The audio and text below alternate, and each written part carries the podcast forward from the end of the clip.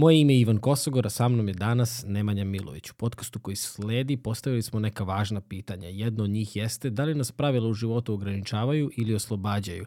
Da li ćemo onda kada se rukovodimo nekim jasnim pravilima odreagovati na drugačiji način i kako će to uticati na naš život. 20 pravila koje je Nemanja podelio sa nama danas definitivno, definitivno su uticale na neke odluke koje ću ja doneti u budućnosti. Pre nego što nastavimo dalje, želim da se zahvalim i našim sponzorima koje imamo od ove epizode. Prvi u nizu jeste uh, Kregatin. Ako želite više energije za mozak i za mišiće, više fokusa, bolje pamćenje, bolje rezultate na treningu i brži oporavak, onda svakako treba da saznate više o Kregatinu. Uz kod Kosogor koji možete iskoristiti neograničen broj puta dobijete 10% popusta prilikom kupovine, link se nalazi u opisu. Drugi sponzori u ovoj emisiji su pasta Marco Polo, moja omiljena pasta i o to je ručno pravljena testenina bez veštačkih aditiva i dodataka, najrazličitiji oblici i svake nedelje neki novi ukus. Iskoristite kod Kosogor i dobijete 10% prilikom naručivanja na sajtu, neograničeni broj puta takođe. Osetite pravi ukus italijanskog restorana u svom domu. Link je u opisu. Pozivam vas sve da pogledate podcast koji sledi i da po proverite linkove koji se nalaze u opisu naših sponzora. Uživajte u podcastu koji sledi.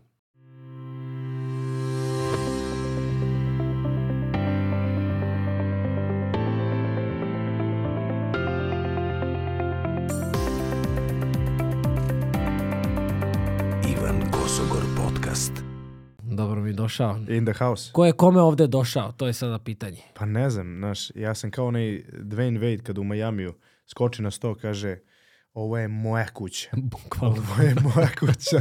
In my house. Šalim se. Ovo, bolje te našao. Jako mi je drago svaki put kad dođem ovde. Znam da me čeka kvalitetnih sat i po vremena, dva sata razgovora sa tobom, prijatelju stari. E sad, ako to neko prepozna kao kvalitetno, kvalitetno je jako subjektivno.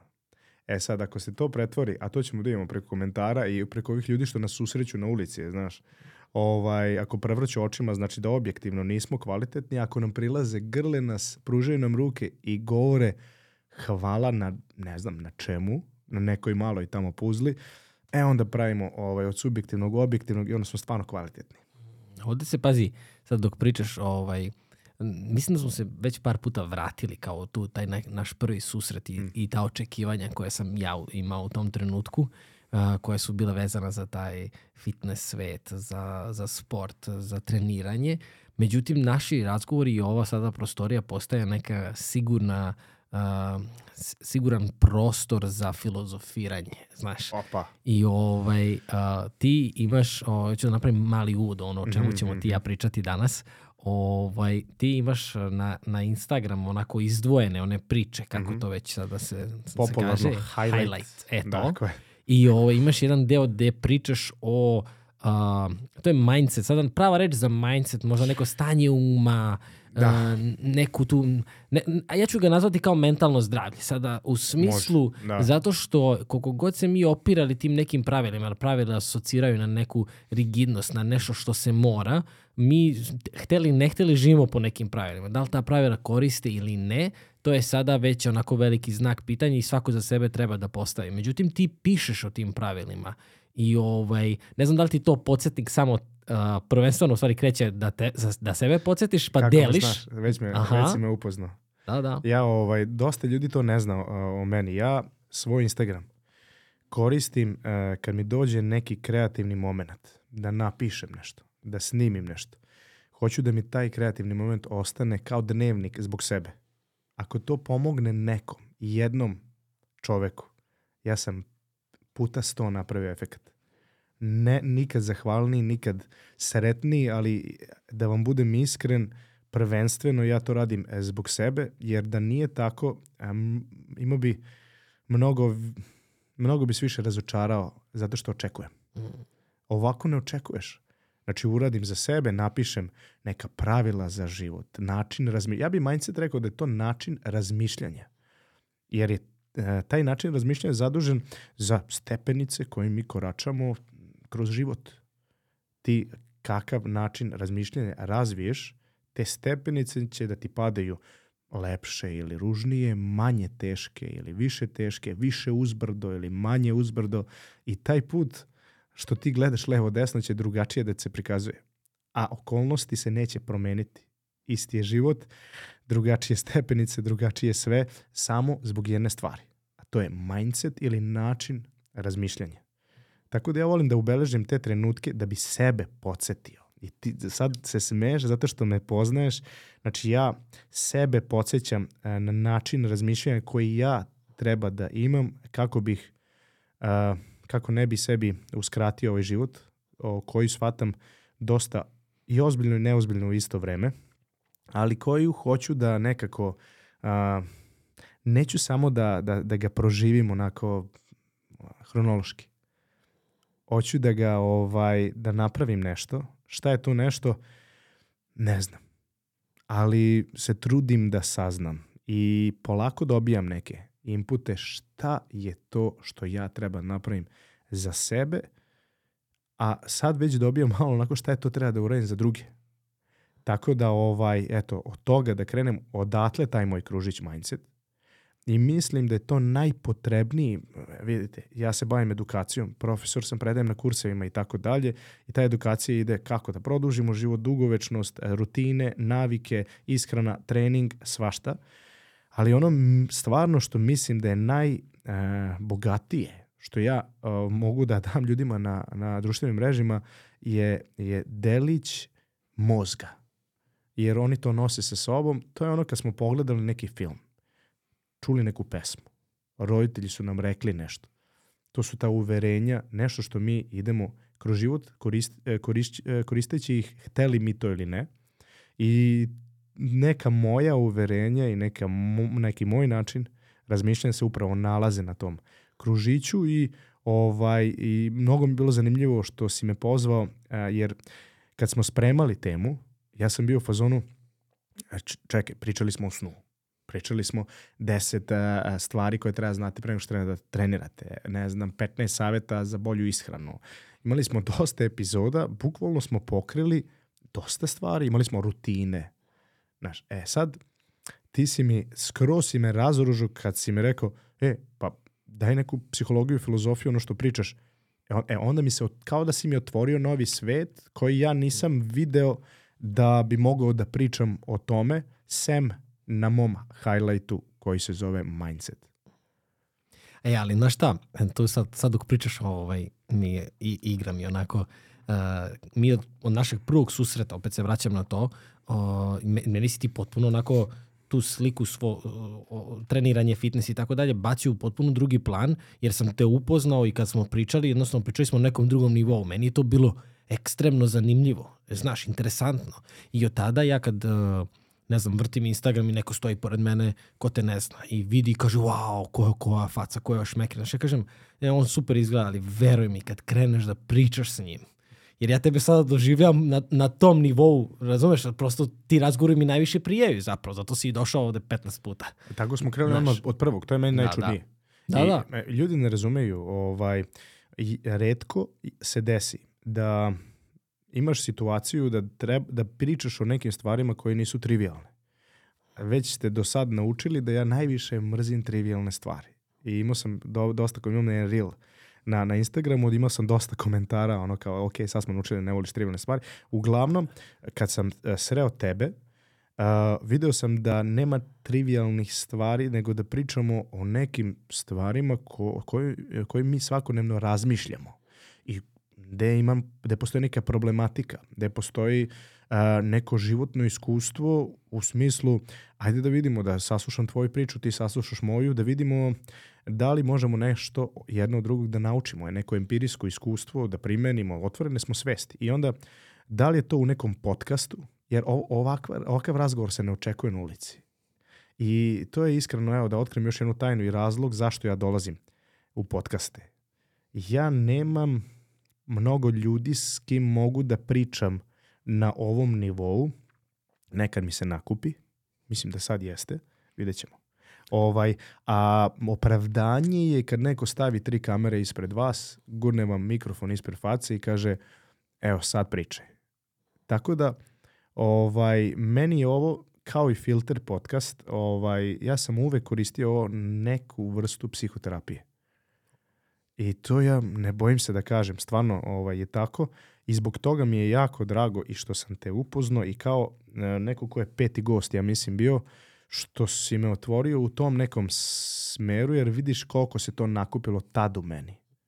Kad sam bio personalni trener, kad me sto ljudi dnevno pitalo o koliko kalorija treba da unese i da li biceps pregib da radi na ovaj ili na onaj način i ne znam šta još da vam ne nabrajam, gde sam ja bio u fazonu kad si me pitao, aj pričaj mi malo ono, šta si ti od lekcije naučio na tvom životnom putu do sad, vidim da si neko koga ljudi prepoznaju kao uspešan, šta god to značilo, vidim da imaš puno klijenata, vidim da, e, pričaj mi malo. I onda sam se skroz otvorio ka tim nekim stvarima, jer uporedo svako ko je uspešan i srećan u isto vreme, to znači da je radio na sebi i radio neke stvari koji ovi što su uspešni, a nisu srećni, ili ovi ko što su srećni, ali nisu uspešni i zbog toga su manje srećni, nisu radili.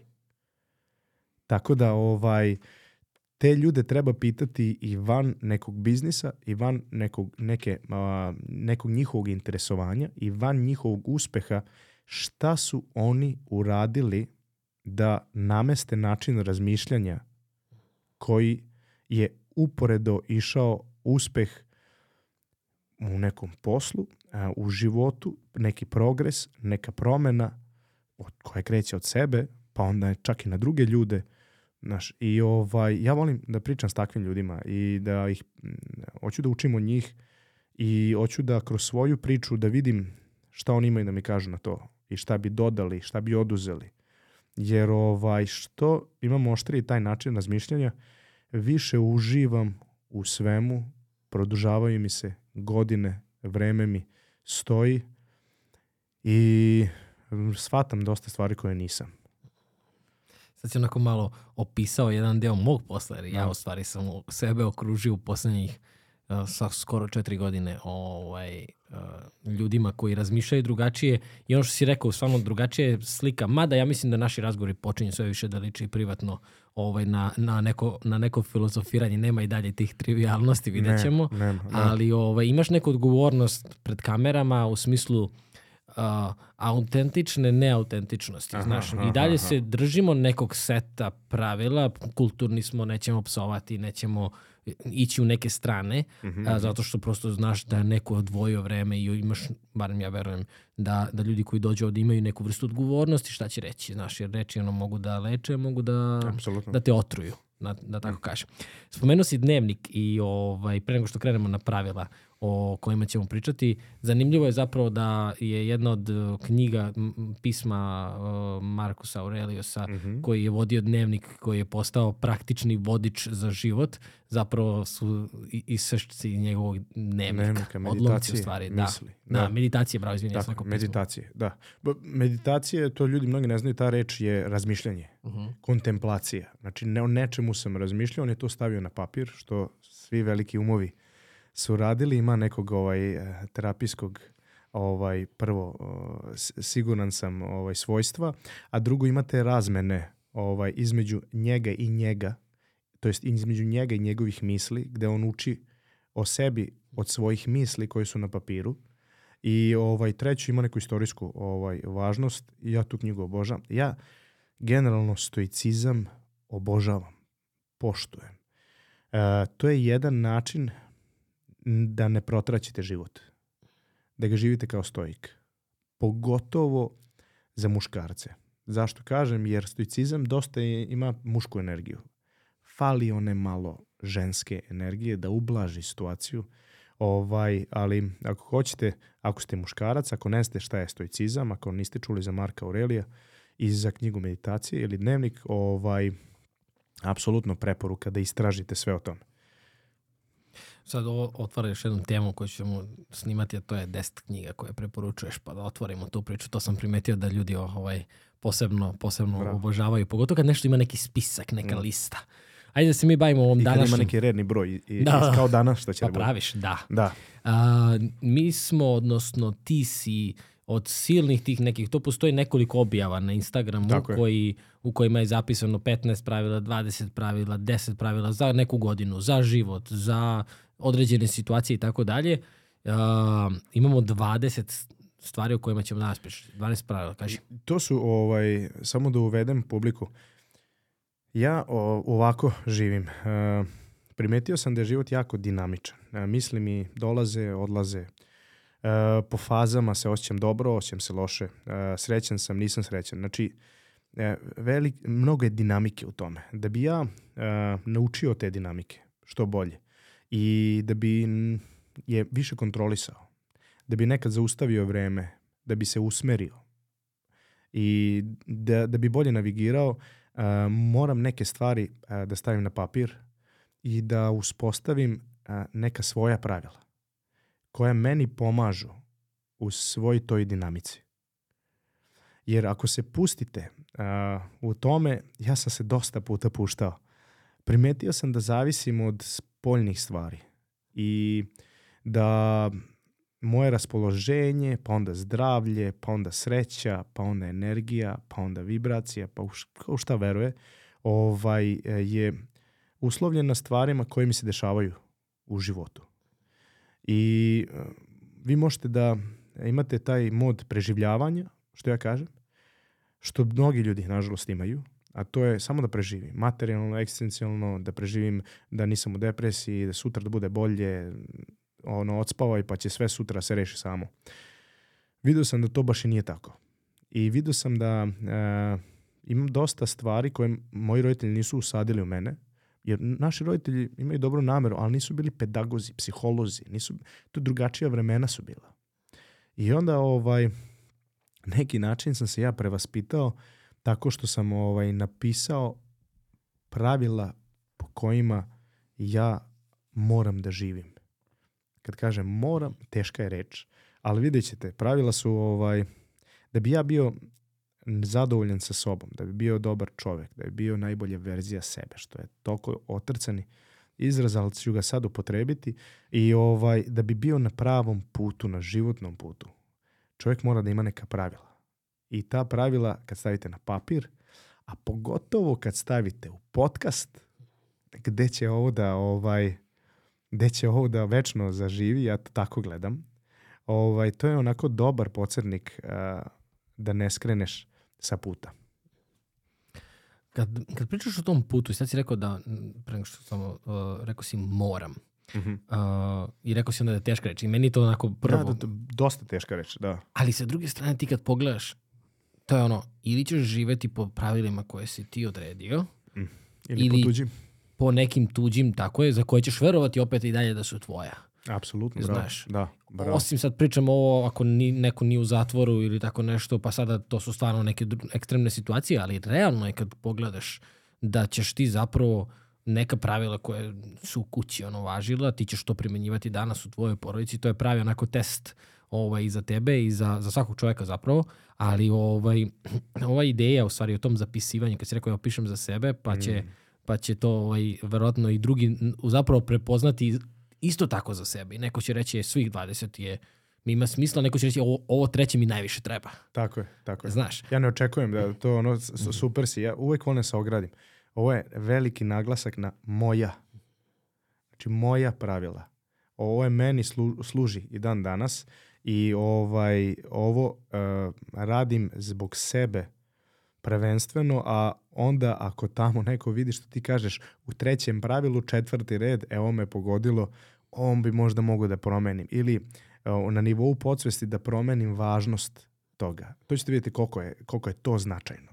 Promeniti važnost nečega time što ćeš da čuješ nešto na nekom Reelsu, TikToku, filmu, bilo gde, jer ti kad promeniš važnost, dolazi ti a, pri, iz nekog prioriteta koji je rangiran 100 u neki prioritet što je rangiran 2. I ta, tad mozak kreće da analizira i da upotrebljuje to podsvesno i onda kad to podsvesno pređe na svesni nivo i kad dovoljno dugo ostane na svesnom nivou i ti to promeniš i primenjuješ, onda to postaje deo tebe. Ja hoću ovih 20 pravila da postanu deo mene. Neka jesu. Dovoljno dugo ih primenjujem, dovoljno ih imam u glavi, postali su deo mene i nešto što je normalno da ja radim. Neka nisu. I ja to treniram. Ja uvijek tu volim da kažem reč treniram. Ja sve treniram. Treniram i kad odem na trening, što vi mislite da je reč trening, ali ja treniram i u konverzaciji s tobom, treniram i ljudske odnose. Kada sam sad dolazio na naplatnoj rampi, treniram i slušanje muzike, treniram i uh, da slušam moja pravila, treniram samo posmatranje. Sve, sve živo je za mene trening, a ja volim da treniram. A, a to si primetio. Da, to nije teško Da, da, da. primetiti. Ajde da krećemo od, od pravila. Ja sam ovaj, pogledao, a, malo sam i razmišljao o tome, tako da ovaj, mislim da će zaista biti jedna zanimljiva konverzacija, iako su ovo tvoja pravila, ali Mm. ovaj, baš me zanima u kom pravcu će da Mislim da će da dosta odem. biti uh, ovaj, i tvojih pravila. Koliko te poznajem. Vidjet ćemo. Tako Sad ćemo je. da vidimo, da. Prvo pravilo kaže živi svaki dan ostatak svog života na način broj 2. Da. Način broj 2. Šta je način broj dva? E, ovaj, i jako dobro kod mene je što e, drugačije posmatram stvari. I to sam primetio još odavno. I kad sam bio mlađi, recimo, odemo u bioskop i gledamo isti film. I ti kažeš ili neko ko je gledao film, a, jako je zanimljiv film, a, svidelo mi se a, to, to i to od tih scena. A ja sam uvek nekako drugačije to gledao. Ja sam prvo gledao, ok, šta je uh, scenograf ili režiser teo da kaže? Koja je poruka? Uh, iz ugla glumaca, kako su odglumili, uh, iz ugla ovog lika što postavlja svetla, kako je postavio svetla, uh, iz ugla uh, koja muzika je trebala da dočara bilo šta, iz ugla narativa, znači šta su naglasili da će se kasnije desiti u filmu, znači šta su te neke sitnice, pa onda ide film, pa onda ide lepo, razumeš? I ja to ne radim svesno, nego ja to skroz ovaj, podsvesno radim i onda dosta tih nekih stvari ovaj upravo iz filmova iz tako nekih stvari koje čitam ovaj stavljam u moje pravila. Kad pričam o filmovima, da li si gledao film About Time? About Time preporuka prva. Biće dosta filmova danas. Dobro, Znači, dobro. About Time, inače, Rachel McAdams, najslađa glumica koja postoji na svetu. Znači, preslatka mi je i, i volim sve njene filmove. O, ako ne znate, to je ona glumica iz Notebooka. Da, ona igra i sad romantična komedija je film i sad a, jako je čudan film jer u onom jednom trenutku se otkrije da Ćale od glavnog glumca ima skrivenu moć i da je ta moć, da tu moć imaju svi muški potomci te porodice. A moć je da mogu da idu u prošlost i menjaju budućnost. Ma nemoj da mi otkrivaš sad film. Ne, ne, samo hoću da ti A, kažem, okej, ovo je vrlo e, zanimljivo Da. za pravilo. Mhm. I sad, uh, glavna stvar je što ga on pozove jedan dan i kaže, ok, ovo sad možemo, ali sad ću ti otkrijem pravilo ili tajnu za najsrećniju verziju života. I on je rekao ovako, i tu dolazimo do onoga način broj dva. Kaže, imaš dva načina na koji proživljavaš svaki dan. Prvi način će da bude da ga proživiš bez, bez vraćanja prošlosti. Kao i svaki drugi čovek da vidiš sve brige dana, da vidiš svaku poteškoću, da osetiš sav bol, nepravdu, da osetiš tu tenziju, stres na ulici, na poslu, sa ženom, sa prijateljima, kao i svi ostali. I da proživiš ceo dan tako. Proživeo si još jedan dan. Ali, postoji i drugi način. Način broj dva. Vrati se, pošto imaš moć vraćanja u prošlosti, u isti dan, ujutru i probaj da ga doživiš iz načina broj dva, a to je da primetiš sve lepe stvari. Da primetiš osmek kasirke koje, koje si bio kulturan, vratila ti kusur. Da primetiš a sve ljude oko sebe, kako plešu na ulici. Da primetiš muziku, da primetiš prostoriju kako je lepa, koju, koju si prošao, nisi ni primetio. Da primetiš sve stvari, promenit ćeš dan kad promeniš taj dan, ovu formulu koristi svaki dan i promenit ćeš život. Živećeš najsretniju verziju svakog dana, što će da rezultira najsretnijem, najsretnijoj verziji života. Fenomenalno. To je pokazano kroz film isti dan. Samo drugačiji fokus. Fokus na preživljavanje, ono malo pre smo pričali, znači imam posao, da obavim posao radno vreme, žena me čeka kući, sprema, da li sprema ručak, ne, nije trening teretana, eh, vožnja u busu i tako dalje. Isti dan, sve to, ali si fokusiran drugačije. Fokusiran si da primetiš to. I tada krećeš da živiš. To pravilo je meni promenilo život. Ja sam krenuo da živim ja uvek volim da se šalim, a u stvari se ne šalim uopšte. U 26. i 7. godini sam krenuo da živim. Kad sam vidio da ja sam propustio 26 ili 7 godina, nećem se sad tačno, prošlo je godina, ovaj, e, primetio sam tako što sam prolazio kroz isto dvorište svaki dan na putu gde sam radio teretane do na mesta gde sam jeo. Svaki dan četiri godine, tri do četiri puta dnevno sam prolazio kroz to dvorište. Posle četiri godine sam tek primetio lepotu šta se sve dešava u tom dvorištu. Posle četiri godine sam stao i ne znam kako, ali promenio mi se fokus da ja prolazim kroz to dvorište razmišljajući prošlost, budućnost, znači da li, koji trening sledeći imam da održim, ja šta ću raditi sutra, sledeće nedelje, ja mogli bi na leto da idemo ovde na more, ja e, šta ću da uradim ako mi se nešto desi i tako dalje. Obrađivao sam budućnost. Ili sam bio u prošlosti. Ja, a, kako mi je bilo lepo na izlazak pre dve nedelje. Ja, ali nam je bilo pre tri godine dobro na moru. Ja, što ne... Ili sam obrađivao prošlost.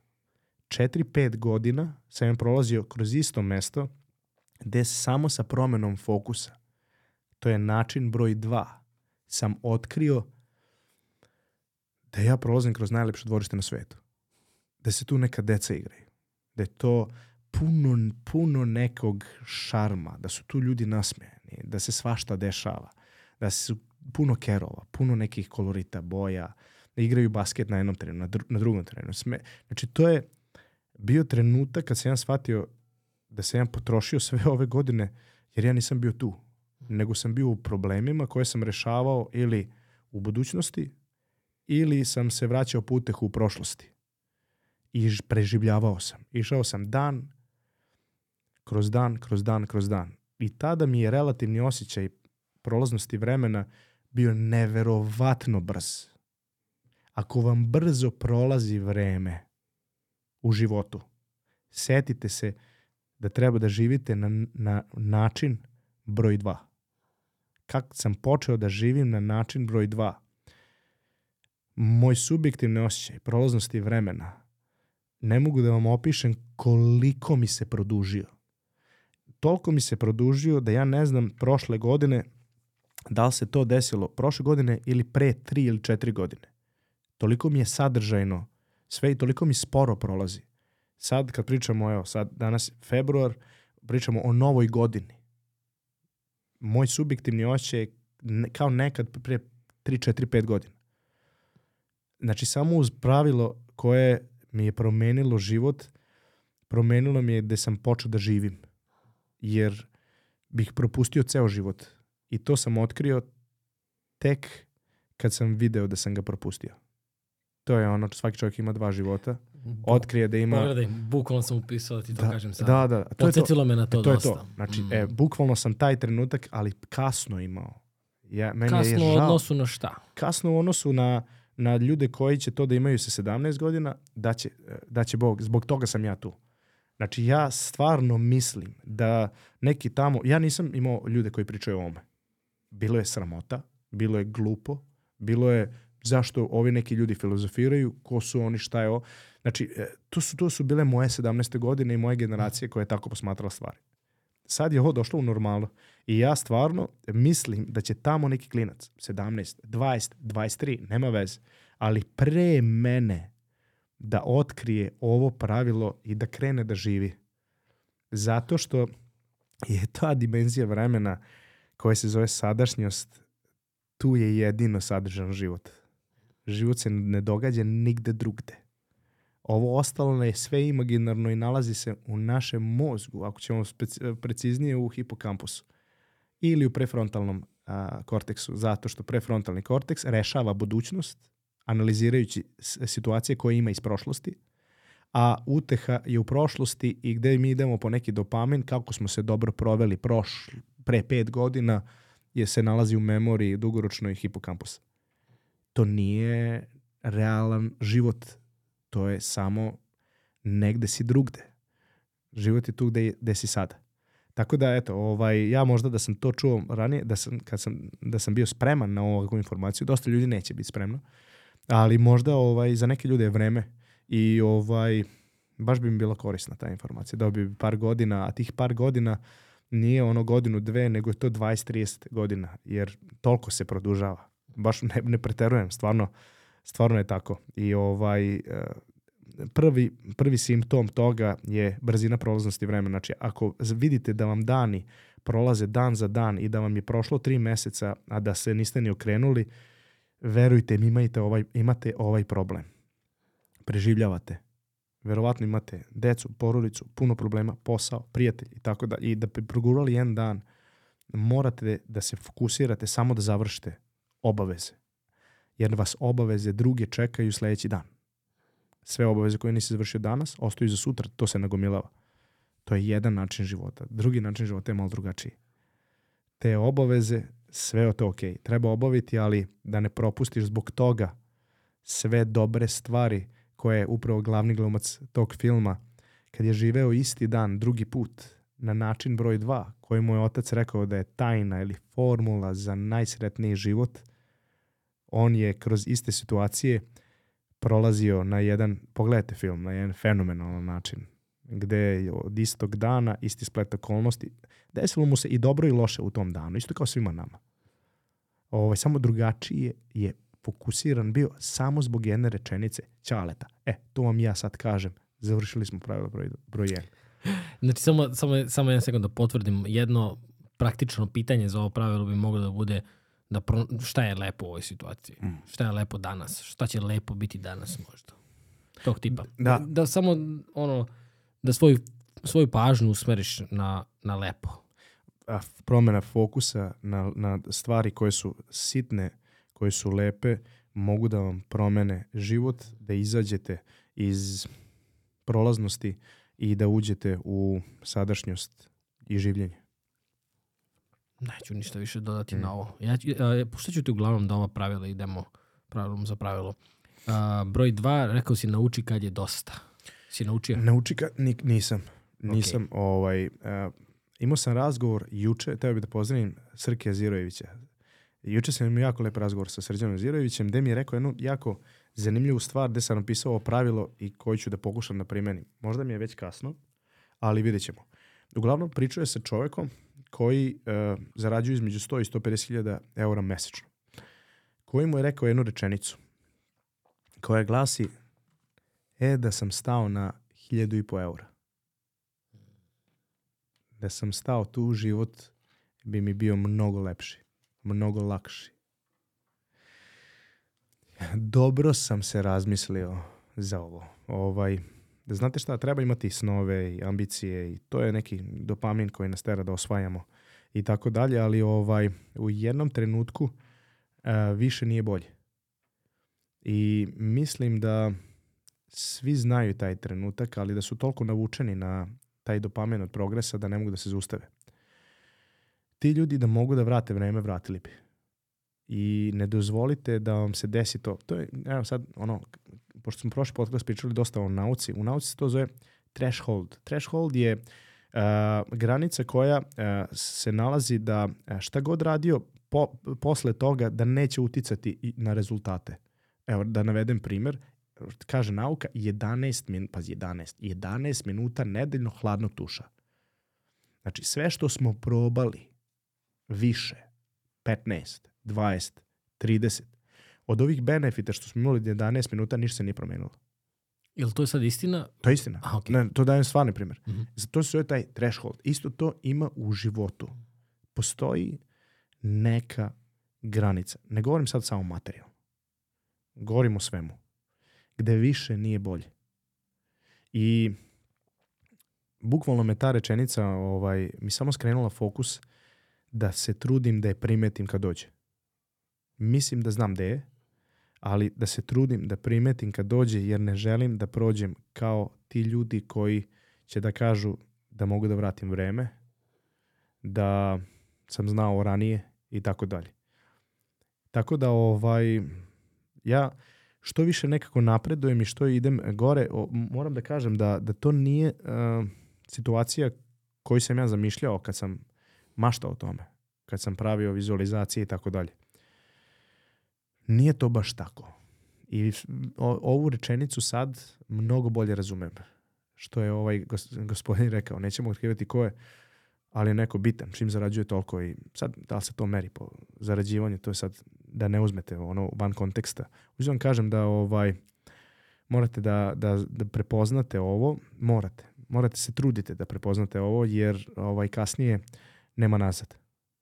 Tako da ovaj to sam upisao kao pravilo da bi znao o, da ne pogrešim kao neko drugi. To je ono empirijsko iskustvo. Mm. Sad, si re, Dindikarijsko, izvini. sad si rekao da nisi tako zamišljao i da, da što više, zapravo to, to više kad pričamo o tom nekom materijalnom, mada i u, kad si klinac, no, hoćeš da imaš više prijatelja. Hoćeš da, da te svi poznaju, da se družiš sa svima, onda kako odrastaš, onda taj broj onako sve počinje da pada, pada, pada. Znaš, Da, Tako je- reč bogatstvo ti menja definiciju. To je jako dobro. Znači, to se dešava od odrastanju. Znači, kad si klinac, reč bogatstvo ti znači ovo. Više provedenih na, sati na polju. Više prijatelja. Više smeha. Više igranja. Više poverenja, lojalnosti. Više uh, neizvesnosti u životu. Više avantura. Više učenja.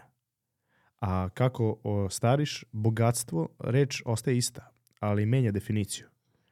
Jer a, si nateran sad da preživiš i onda ti menjaš bogatstvo za bogatstvo, bogatstvo nešto što si mislio da je klinac, menjaš za bogatstvo nešto što misliš sad e, kao odrasli i kad, što je paradoks svega je kada stvarno ovaj, uspostaviš to neko bogatstvo i kad uspeš, onda vidiš da, da, si, da nisi uspeo.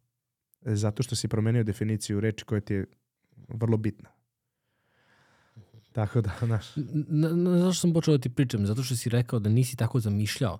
Jer je više u smislu uh, ti hoćeš da imaš mnogo novca, na primjer, kada nemaš mnogo novaca. tako je. I onda misliš da ti treba mnogo više nego što ti zaista potrebno. Uzmemo taj primjer. Ili uh, to si vjerojatno, zanima me tvoje mišljenje, ranije ono, sanjao si nekom autu Mhm. I kao kad budem zaradio pare kupit ću definitivno taj auto. Danas imaš pare da kupiš četiri ta auta, ali ne uzimaš taj auto, više ne razmišljaš o njemu jer je moguće. Jer ti je on sada tu. Da. Znaš, i ideja o, o toj nekoj halapljivosti, o toj nekoj potrebi da, da ćeš biti srećan kada sve to ostvariš, da će samo da ti treba sve, sve, sve kod tebe, pada u vodu kada, samo ću se vratiti na, onu, na, na jednu stvar malo pre kad si pričao i rekao si, eto, ovo ne, ja radim za sebe, ali znam da, da može da bude korisno i za druge, da zapravo kada ti kreneš da postaneš svestan da, da svrha nije samo ono što radiš, već šta proizilazi iz onoga što radiš. Apsolutno, da. I tada to više postaje, ja hoću više da dam, hoću više da radim, hoću više da stvaram. A to kao neku posledicu vuče i više novca i više šta god je sada tebi važno i bitno. Apsolutno se slažem. Da. Ovo je, ali nauči kad je dosta je I dobar podsjetnik. jako dobar podsjetnik i jako teška stvar. E, Zato sam te pitao, jesi Da. naučio, jer vrlo je jednostavno, nauči kad je dosta četiri reči. Mi, Ali- vidi, a, nisam još stigao do, dotle da mogu da ovaj, kažem da jesam. Tako da mislim da imam neku granicu, da znam. I mm, vidjet ćemo kad dođem do toga da ću da stanem. To će im biti. Ali vidi, sad imamo ovo kao podsjetnik. Znači za oružje sam jači u tom dvoboju. Ja tako gledam stvari. Kad stigne to, imam kao podsjetnik. Ako izgubim, ok je, ali ovde povećavam šanse. Dosta ljudi to, tom čovjeku niko to nije rekao. Niko nije rekao da više jednom nije bolje. Čak šta više, da je lošije. I on je to tek saznao na kraju gde nema nazad. Tako da ovaj zanimljivo, zanimljivo pravilo kao podsjetnik za budućnost. Možda nije trebalo da bude pravilo broj 2, možda je trebalo tamo 15, 16, ali bože moj, da. Ima neki razlog. Da, da, da, ima neki razlog. Da. A, pričao si malo pre o budućnosti. Treće pravilo kaže pravi kratkoročne ciljeve koji će postati dugoročni uspesi. Da, to sam pričao sa, sa Istokom Pavlovićem. To smo baš pričali pre neki dan i ovaj, pričali smo, on voli isto Hubermana kao ja i sad o dopaminu i kako kad napraviš neki plan i gde ljudi greše, postoji neki sindrom koji zove dopamin burnout. Dopamin burnout je kad ti napraviš neku viziju, napraviš neki pa, plan, cilj. Ti verbalizacijom tog plana pričaš o njegovom o potencijalu, kako ćeš ti da dođeš do toga. Ti kad pričaš, ti doživljavaš tvoj, tvoj mozak i tvoje konekcije neurona ne znaju da se to dešava stvarno ili ne. Pogotovo kad emotivno pričaš o tome. I tu se dešava zadovolj- zadovoljavanje tvojih potreba da zadovoljiš taj cilj. Znači, to zove dopamin burnout. Ne pričajte puno o planovima koji su za 10 godina. Postoji velika mogućnost da ćete konstantno razmišljajući o tome, ne morate ne pričati, znači e, uključiti emocije određene koje će pokrenu tamo neke neurološke krugove gde će vam se ta ideja sve manje i manje svideti zašto vaš mozak to već doživeo. I onda sam pričao sa istokom o tome kako je pogrešno da ljudi prave planove dugoročne. Život je nepredvidiv. Lepo imati zvezdu vodilju, ali ono što je još lepše je imati kratkoročne planove koje ti zacrtaš danas. To su ostvarive stvari koje ćeš ti da uradiš danas, koje će ti zadovoljiti taj dopamin, taj isti dopamin, gde ćeš ti svaku stvar koju si napisao ujutru kad ustaneš, što ja radim na tabli, to je otkriće svega što sam napravio u životu. Imam tablu koju ujutru kad ustanem napišem poslovno šta treba da uradim danas, danas, ne sutra. Sutra već ne znam. Nego danas i napišem s druge strane šta treba da uradim kao čovek. Nazovi ovog prijatelja, uradi. Znaš, to su mi dve stvari koje, koje ja radim. Svaki dan kada ostvarim, ja imam prvo osjećaj pobede. Imam taj dopamin. Nešto sam produktivno uradio. Spreman sam za sledeći dan, jer uh, ako vi planirate 10 godina unapred, a mnogo je lako da se razočarate, da se demotivišete, da ne vidite Znači, vi kao da vidite uh, 300 km, ali vidite da između tih 300 km nema zemlje između toga. Razumeš šta hoću da kažem? To je kao u igrici onoj, kada si igrao na igrice kada ti je otkriven samo tvoj grad i mesto gde, gde ideš. Sa mapom kada je Sa mapa mapom, da. zamračena, e, ok. To je to. Znači ja samo hoću da kažem svojim pravilom. Da je mnogo bolji plan za život. Da vi istražujete i širite tu mapu koncentrično. Svaki dan i da ne razmišljate da ćete stići do nekog zamka tamo koga vidite, ali tek u, u, za 10 godina.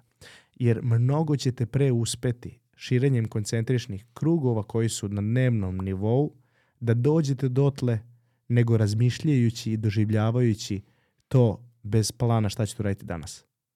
Mnogo ljudi vidim da umesto da napišu šta će danas da urade, oni pišu šta će biti za pet godina pišu šta će biti i to, i to perfektno do, ovaj, napišu. Napišu, dožive to, vizualizuju, opipaju, emotivno dožive i svih čula, sve što mi pričamo. Ali ne pišu šta će danas da urade. Me razumeš? Tako da, e, to je moj podsjetnik da ok je imati svoj, svoju viziju. Ok je imati tamo neki end goal. Ali život je mnogo nepredvidi, nepredvidiv da bi ti to imao i može dosta okolnosti da se promeni ovako gde ti onda zbog toga postaneš razočaran zašto ih nisi dostigao. Ja hoću da kažem da nećeš biti uopšte razočaran jer svako jutro kad ustaneš ti znaš šta je u tvojoj moći, šta možeš danas da promeniš. I samo promena te filozofije će smanjiti procenat ljudi koji će razočarati, će smanjiti procenat ljudi koji će dopaminski sagoreti, će uh, smanjiti procenat ljudi koji će uh, ostati uh, ceo život u mašti. Lepo je biti u mašti, ali mnogo lepše je kada nešto postižeš svaki dan. E, onda će kad najde situacija nepredvidivosti života, ti ćeš onda moći da navigiraš mnogo lakše i da menjaš te vizije bez da nisi uspeo u njima ako me razumeš. Ne, evo recimo moj primer. Moja vizija je, na, kad sam bio mali, da budem košarkaš. Ja sam razočaran u dubini duše što nisam košarkaš. NBA i košarkaš, bio sam košarkaš. Nisam dovoljno precizno želeo. Ok, pogrešio sam. Ali sam razo... i dan danas sanjam da igram košarku. Sanjam sa 34 godina, prestao sam pre 13 godina. Ja svaki peti san sanjam da igram košarku. Razumeš? Znači, to, zašto, zašto sam ja kao mali pravio plan za 20 godina unapred? Razumeš? Ok, deca smo, malo je možda pogrešan primer, ali nemojte praviti planove za 10, 15, 25 godina. Pravite plan za danas. bit ćete spremniji za život šta god da vam donese. Meni život nije doneo košarku, doneo mi je svašta nešto drugo. Ali ja sam i dalje razočaran zašto nisam NBA košarkaš. Da, tako da, ova, i to nisam razočaran na svesnom nivou. To je na podsvesnom nivou. Ja to ne znam da postoji dok mi ne dođe san koji kažem čoveče kako, kako mi ovo nedostaje.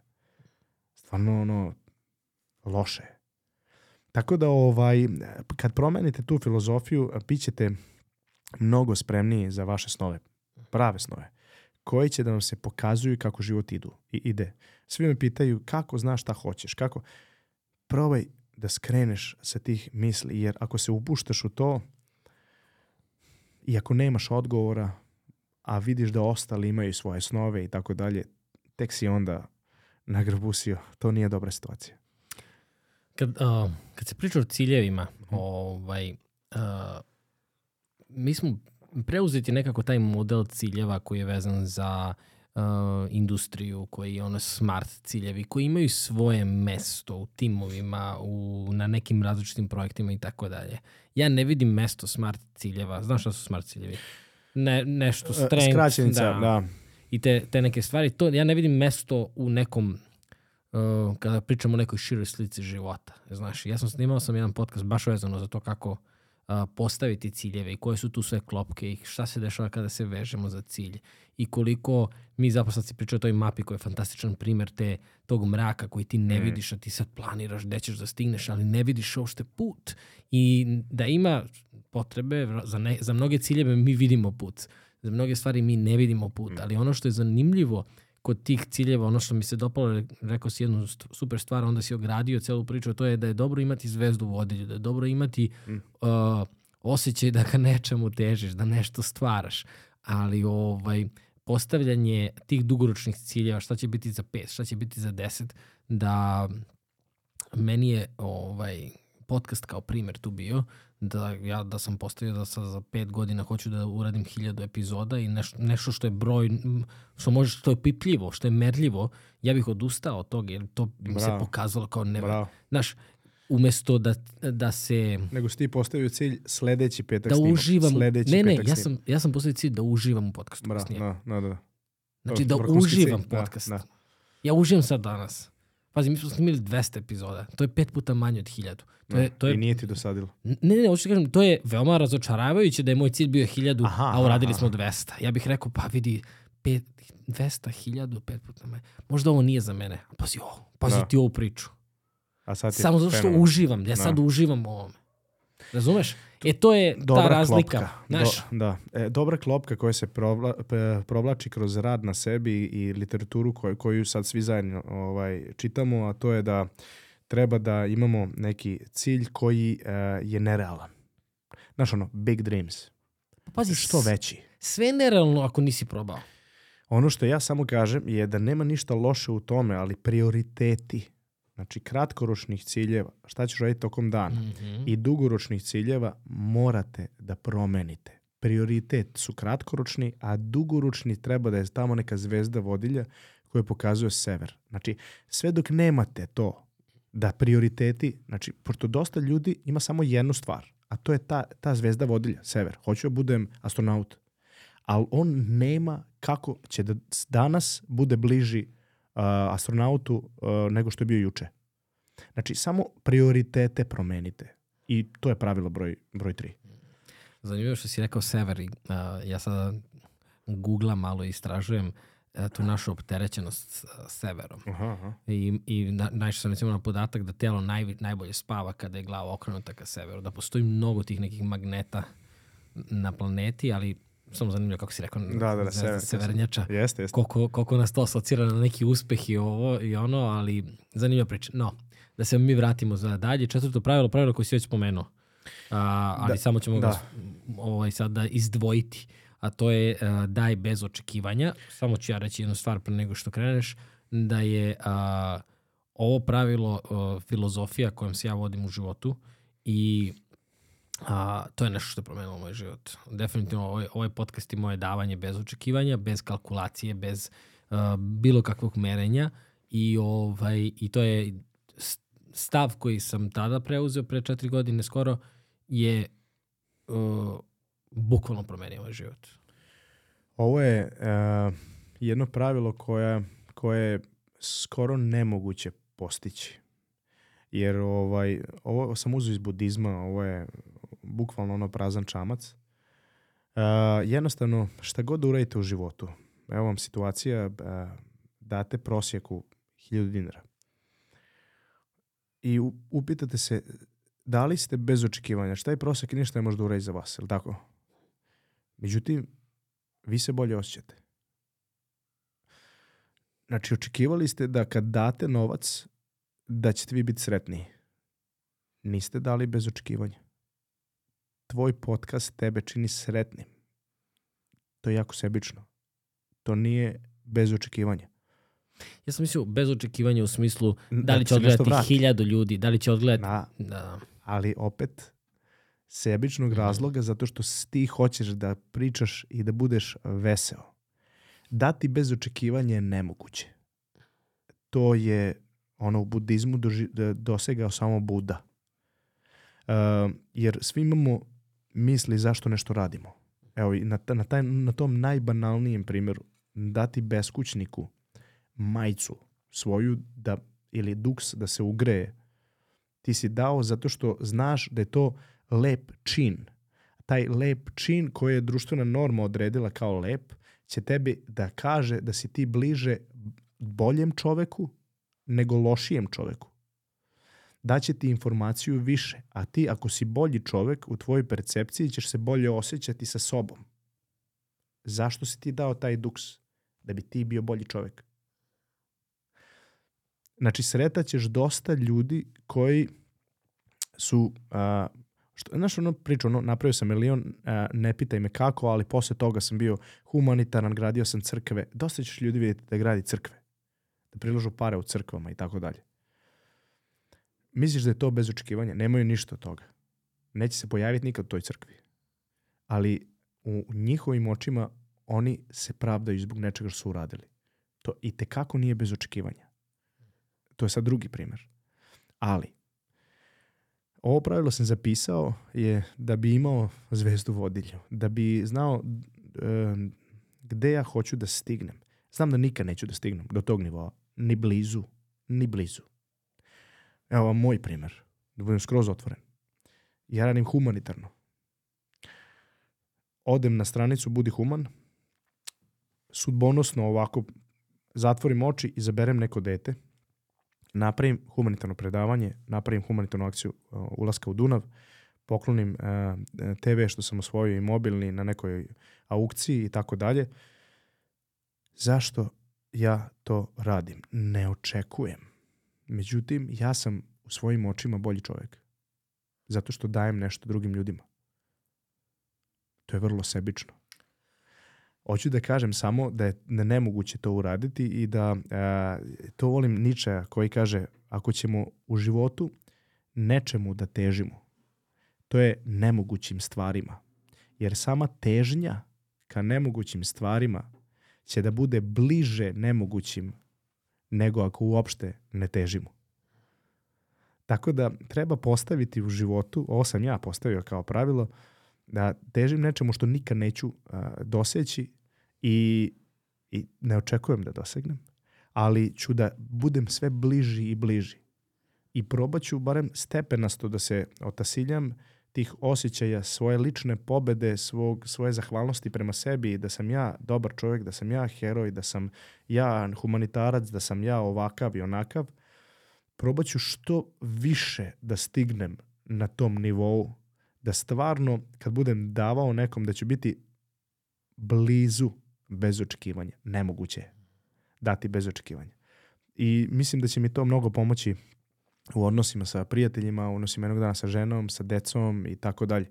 Ovaj, mislim sa- samo da malo pomerim tu stepenicu da, mislim za sve, da bi bili bolji ljudi. Jer e, to očekivanje je zamka i mora da postoji, ali ima stepen, ima stepene, isto kao sve ostalo u životu. I samo da spustimo malo stepene toga, ovaj, stvarit ćemo, a, stvarat ćemo i, i davat ćemo iz malo čistijeg srca nego što smo do sad radili. I to mi je pravilo kao podsjetnik da treba da a, težim dostizanju nečega što nikad neću. Da li, kaž, kažeš, da li postoješ nužno bolji čovjek ili potvrđuješ sebi da si već dobar čovjek? Da, postajem univerzalno uh, univerzalno bolji u smislu akcija gde uh, ih radim iz malo boljih razloga. Ja sam, ovaj, spomenuo si humanitarni rad, ovaj, to je jedna, jedna onako zanimljiva tema zapravo koliko mi postajemo ljudi, koliko se kristališemo, postajemo sebi jasniji kada počnemo da se bavimo nečim humanitarnim. Ovaj, meni su onako primjeri ka kojima bih ja voleo da, da težim uh, pokojni Dragan Nikolić i Mhm. Milena Dravić koji su uh, neopaženo poklonili i pomogli mnogim ljudima u našoj zemlji. I to je jedan od ciljeva koji sam sebi onako zacrtao u smislu da svaki put kada budem nekome pomogao. Ali viš da je opaženo. Šta? Viš da je opaženo. Ne, ne, uh, u smislu nije, nije bilo na RTS-u u vestima naravno. da li su to to i tako dalje, ali prosto uh, kad god možeš i koliko god možeš. Meni kada sam pročitao ovo pravilo, bez očekivanja, ja sam otišao u jednom potpuno drugačijem smeru. Znam, znam, znam. Znaš? Primetio sam. Prvo, Da, da. prvo mi je bilo kada daješ bez očekivanja, pa čak i ako je recimo dug, ja nikada neću pozajmiti nekome novac ukoliko taj novac ne mogu da otpišem ako mi je to prijatelj. Da kažem, e ok, sad ti dajem 500 dinara, Da. ako mi ne vratiš i dalje si mi prijatelj. Znaš, ali na 600 dinara više mi nisi prijatelj, neću ti pozajmiti Da, onda. da, da. Jer neću da ugrozim to. Bolje, znaš, naći ćeš sigurno na nekom drugom mestu. Dao sam banalni primjer. E, ali samo da, Mhm. da, da bude jasno ovo što- za, za Dragana Nikolića. Ja sam apsolutno za da neko ko radi humanitarno, recimo Darko Miličić puno radi humanitarno ispred mojih očiju, ja sam ga trenirao, on to nigde nije javno stavio. Znam zašto, zato što bi ga onda svi vukli za rukav da i njima pomogne. Mhm. Apsolutno ovaj, je to tako i vi, vi, viđam već na svom primjeru. A, ali drugo, treba da bude javno zato što inspirišeš Mhm. druge ljude druge ljude koji su verovatno iz neke tvoje profesije, recimo glumci, Dragan Nikolić za glumce, da ovaj razmisle i da pređu u akciju što se tiče human, eh, humanitarnog rada eh, na primjeru Dragana Nikolića. Razumeš? Znači ja baš mislim da svaka, svako dobro delo na ovom svetu treba što javnije možete da prikažete samo iz jednog a, ali, ajde kažem, altruističkog razloga da ovaj, svet bude bolje mesto. I da ga ostavite boljim pre nego što se, što se ovaj, pre nego što odete. Mislim da je to jedan od načina kako ćemo mi da ostavimo svet boljim. Da javno radimo dobre eh, stvari, jer je to onda dinamo efekat. Znači, onda će da, ako, se, ako neko drugi to bude preslikao, jedan od milion, onda će nekog tog isto jedan milion isto da prekleti. I, I to ide tako, to je, ne, dinamo, nego Domino. domino efekt. Sad sam kažem, Da, bio da. si sad skoro u Zagrebu, možda ti odatle Da, Dina- učiš da, da, Dinamo da, Zagreb. Domino efekt. Znači, to Da. će da se, i onda će stvarno svet biti bolje mesto, bez da mi to znamo. E, to je najveći, naj, najveća pobjeda. Sad si rekao, dok god je neko živ, peto pravilo, uči o životu dok si živ. Ja, Seneka, dobri stari stoicizam. Um, to je to. Znači, primetio sam da da postoje faze života. Faze su svesnosti. Znači, koliko ti uh, lošije ili bolje razmišljaš o nekim stvarima, koliko lošije ili bolje reaguješ na neke stvari. I da ti to determiniše život. Uh, ono što ljudi često rade je da prestanu da, da uče o životu i o tim fazama, nego se samo vode tim preživljavanjem što smo par puta već spomenuli. Ono što, ovaj, samo da vam dam primjer. Znate ono kad rečenicu je kažemo "E, s- da sam sa ovim znanjem sad ponovno se vratim u srednju školu.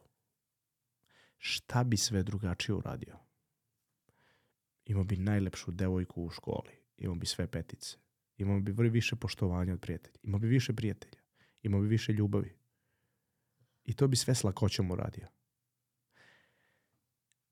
To je zato što smo među vremenu podsvesno učili o životu.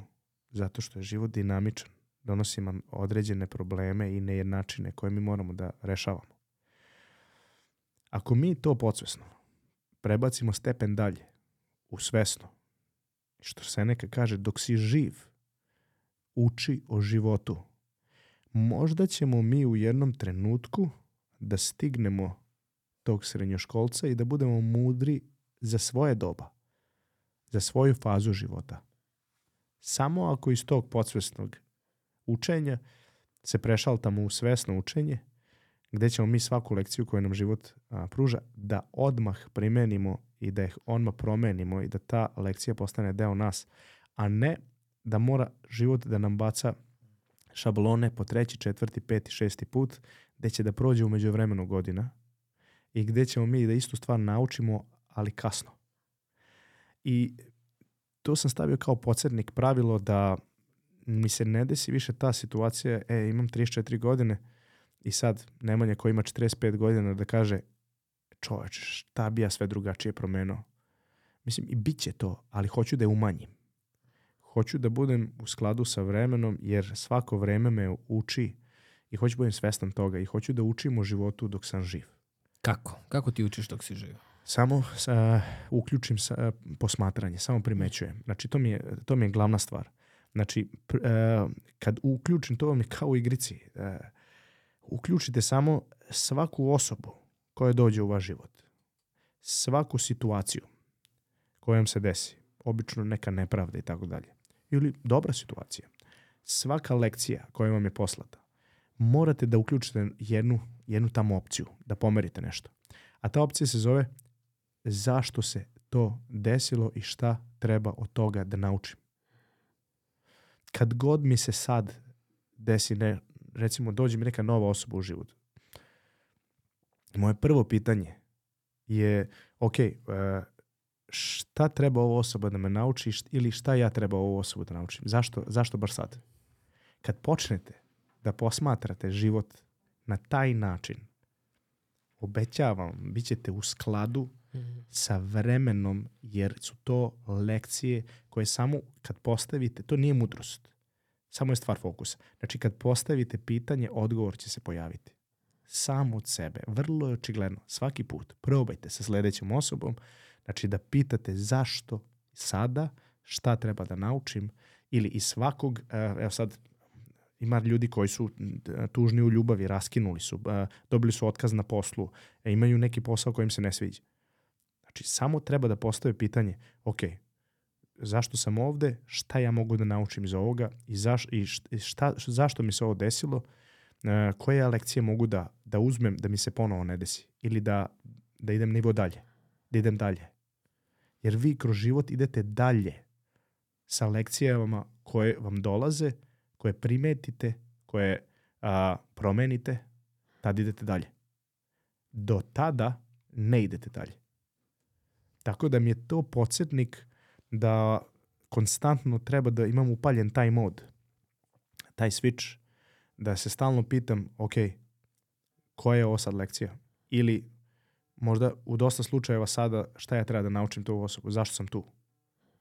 I svih razočarenja i svih nekih stvari, vrlo je evidentno. Vrlo je evidentno šta treba da, ovaj, da naučim. Ovaj, sad kad pričaš, zanima me samo, je li osoba koju smo zvali ili neko drugi? Osoba koju smo zvali. Pojavi se. Milan Srogman. Javim se ovo. Ne, prekina. Prekina, ok, da. ok. Spominjalo se tvoje ime Milane. Malo pre, ovaj, malo pre, dok se sad si spomenuo jednu, jednu super stvar, uh, da se zapitaš na svesnom nivou. Pazi koliko je to, ja sad ne znam kako ti provlačiš ove lekcije, ali pazi ti koliko je moćan alat da se zapitaš ko, zašto si upoznao osobu, šta ja od nje mogu da naučim i šta ja nju mogu da naučim. Što je često obostrano. Čak i ljudi uvek. koji nas uče, uče od nas dok nas uče. Mislim, paradoksalno je zvuči, ali da. je tako.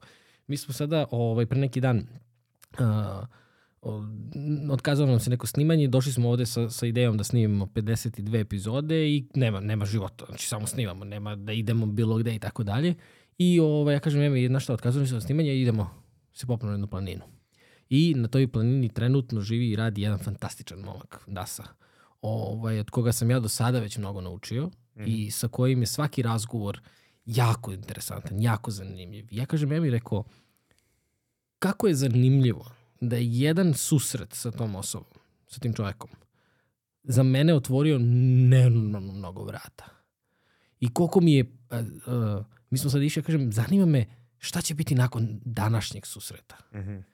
Jer sam osvestio da, Ko- Koje su sledeće lekcije? da postoji, tako je, da postoji dalje informacija. Mm. Da li je uh, kritika, da li je pohvala, da li je, znaš, ali nečega ima. Nešto, nešto ćeš dobiti iz tog odnosa ukoliko je to konstruktivan, kvalitetan odnos. Onda ne želim da, da zvučim kao uh, da se treba se družiti samo s ljudima od koji imaš koristi. I to, ali, I to ne važi samo za ljude. Znači, Mhm. generalno i za situacije i za sve. Znači, samo mi ovaj, treba se otvorimo prema, prema tome i treba da, o, da shvatimo da redko, ka, redko šta se dešava ovaj, slučajno i, i u pogrešno vreme. Redko šta. Evo, to mi je empirijsko iskustvo preko, prema 34 godine mog života. Kad malo bolje razmislim i sednem i stavim prst na čelo, redko kad mi se šta desilo što nije trebalo nešto da me nauči u životu. I tad to nisam video. Probajte, ovo je eksperiment retrospektivno. Zamislite svaku osobu, najlakše, mi se sećamo najviše uh, ljudi koji su nas povredili. Tako mozak funkcioniše. Znači, to je dugoročna memorija kad imamo emociju koja je negativna, mozak nam odlučuje da je to potrebno da se sećamo, da nas ne bi ponovo to ugrozilo život ili emotivno razorilo. E, znači samo se setite te situacije retrospektivno i vidite u tom trenutku šta ste vi trebali naučiti od te osobe, o sebi i šta je ta osoba naučila od vas, opet o sebi. I bit će vam sve jasno.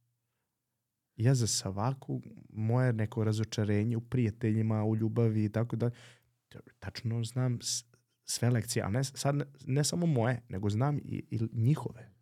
Tako da, eto, kad imate taj switch i kada upalite to, ovaj, setite se ovog pravila i ovo je moje pravilo koje me podsjeća na to da život gledam malo iz drugog ugla jer mi puno govori, puno mi priča. Mi samo treba da ovaj, slušalica, slušalice upalimo na on, da pojačamo ovaj, zvuk. Da, zato što je ovo i pravilo koje vodi i u zahvalnost, jer ti onda osvestiš zašto ti je važan odnos, ne, ne počinješ da podrazumevaš odnos, a, ne počinješ da pretpostavljaš šta neka osoba razmišlja, već je samo saslušaš, znaš, prosto otvara, ovo je veoma, veoma kvalitetan podsjetnik Mm. za, za onako široka je ta paleta sada koristi koje možeš dobiti kada Apsolutno. si svestan ovoga. A, apsolutno. Slažem se. Idemo dalje. Uh, šesto pravilo, čuvaj druge od sebe. Negde sam tu video Jordana Petersona u tebi. Da, da, ja sam vidio mog dedu. Ovaj, okej. Da, ja sam vidio mog dedu. Vidiš, koji- nemoj podrazumevati i da, pretpostavljati. izvini, izvini. Ne, ne, ne, vidi. A, moj deda je bio jedan veliki čovek e, širokog shvatanja i ja sam našao pre pa par meseci na vikendici neke knjige ovaj, koje je on čitao, budizma i nešto u to vreme. Ovaj, neverovatan lik. E, ali on je, moj deda je se rodio na planini u Štali. Plana je Somina, to je u Crnoj Gori, okrug Nikšić, ovaj, pleme Banjani, eto, odatle sam ja. I to je samo dve generacije pre mene. I on je imao devetor, on je bio prvi sin od devetoro dece, koji je imao neverovatan život. I ono što je njegov otac njemu preneo je, je taj ono epski, e, epohalni period, ono Turska, Osmanlijsko carstvo, vreme junaka, vreme heroja, gde su crno, crn, crnogorci imali neki onako ovaj veliki deo tog herojstva su zauzeli u tim narodnim pripovetkama i tako dalje. I ovaj i on je to preneo na mene. I to dobrim delom. Ovaj ja sam ona one, ono dete od dve godine što je sedelo u krilu moga dede gde on svirao gus, gusle i pevao o junačkim podvizima, ne znam, malog Radojice ili Nigca od Rovina ili svega se sećam. Neverovatno. Uglavnom, ovaj, on mi je svaki dan ponavljao, pitao me isto pitanje. To je bio kao neki test koji se meni toliko urezao u mozak da sam ga stavio kao pravilo. E, ovo je nešto što je postalo deo, deo mene, definitivno. Zato što mi je od ranog detinstva. A pitanje je bilo koja je razlika između junaštva i čojstva? Znaš koja je razlika? Jako zanimljivo. A, samo mi kaži za čojstvo, o, U definiciju. tome, je, u tome je i fora. Aha, okej. A, juno, junaštvo, svi znamo. Znači, postoje potlačena strana, postoje strana koja ih tlači, neki, nek, neko zlo u nekoj bajci i postoji neki heroj koji čuva tu potlačenu stranu od te strane koja je mračna. I to su heroji, junaci i tako dalje. Međutim, čojstvo je mnogo bitnije za svakodnevnicu. Čojstvo je čuvati druge od sebe, od svoje moći. I to je on meni stalno teo da prenese šta je bitnije. Zato me je pitao svaki dan pitanje koja je razlika između junaštva i čojstva. Mnogo je bitnije imati samo kontrolu i čuvati druge ljude od sebe. Ne mislim samo fizički. Mislim i emotivno. Mislim na svakom energetski i tako dalje. Samo imati taj podsjetnik u životu je moćno oružje kako živjeti kroz život. I meni je to deda moj prebacio. I to je ono kada ovaj, vam neko svira u saobraćaju i mislim, ja imam 100 kila i, i, i treniram borilačke veštine ceo život. Ali mu se izvine. Zato što je moj deda rekao budi čojan. Jer je to veći izazov nego biti junak. Mnogo veći izazov.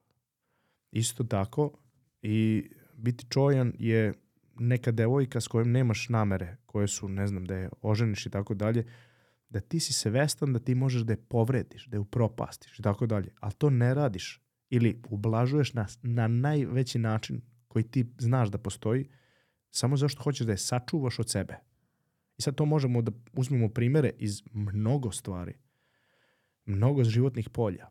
I to je jedna, jedan podsjednik koji je definitivno postao deo mene i hoću da ostane deo mene, zato sam ga zapisao kao pravilo. I jedan podsjednik na mog dedu i baš sam mu zahvalan što je preneo ovaj, te neke vrednosti na mene gde imam tu potrebu da čuvam druge ljude od sebe.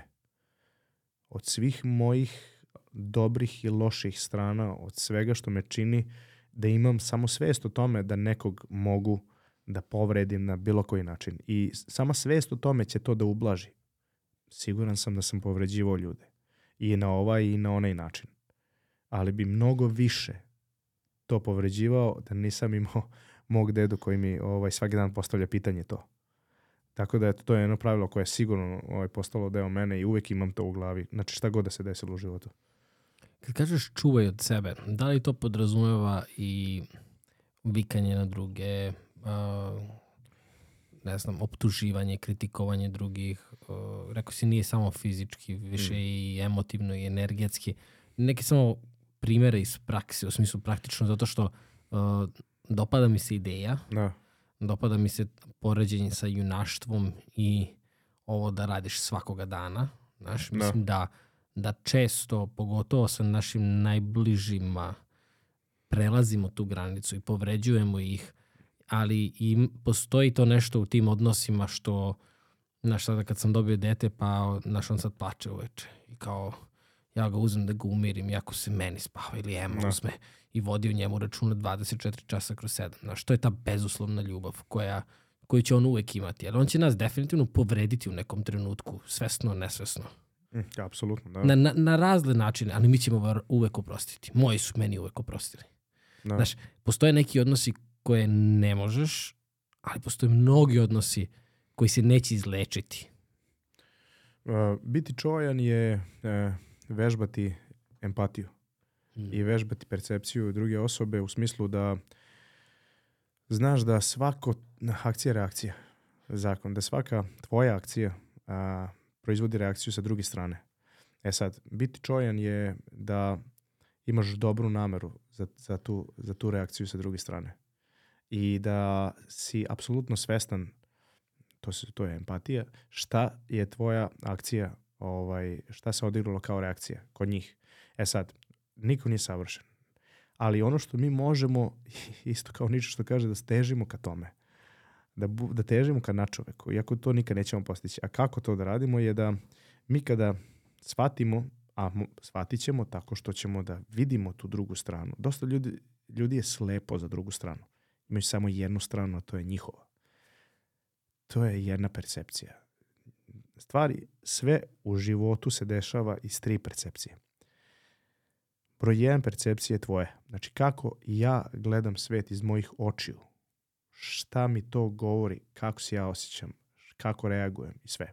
Druga percepcija je iz tuđih očiju gledaš sebe. Probaš da osjetiš šta je to što si ti uradio, kako je to uticalo na njih, da osjetiš tu bol ili radost ili sve, znači da osjetiš misli i to se vežba. To je empatija. Treća je najteža percepcija. To je ptičija perspektiva. To je nisam ni ja u sebi, nisam ni u tvojim očima ili u tvom mozgu, nego sam negde iznad i pokušavam stvari da merim objektivno i univerzalno. To ne postoji, ali postoji bliže toga, o, bliže objektivno, bliže o, univerzalno. Znaš, ono, istina je negde između. Da, ali postoji bliže da si, da je istina negde između. Znaš, i dalje da si. Znači, to su uvijek ti stepeni, što ja kažem. E, ta treća percepcija ti to donosi. Znači, sve se dešava iz te treće. Ovo, biti čojan, vežba ovu drugu percepciju. Znaš, znači, to je ta empatična percepcija. I to ljudi koji imaju, oni mogu mnogo više da postignu u, u životu, zato što ovaj, imaš dve prizme ovaj, gledanje na, na svaku stvar i to je moć koja, koja je jako korisna za ceo život. I u dobijanju posla, i u razgovaranju sa prijateljima, i u, a, ne znam, sa, sa devojkom, i u i sa sobom i tako dalje. Mnogo je bitno imati a, iz više stvari, iz više uglova kako, ovaj, šta se dešava u stvari u toj jednoj situaciji. Sad si rekao nad čovek. Da. Uh, mislim da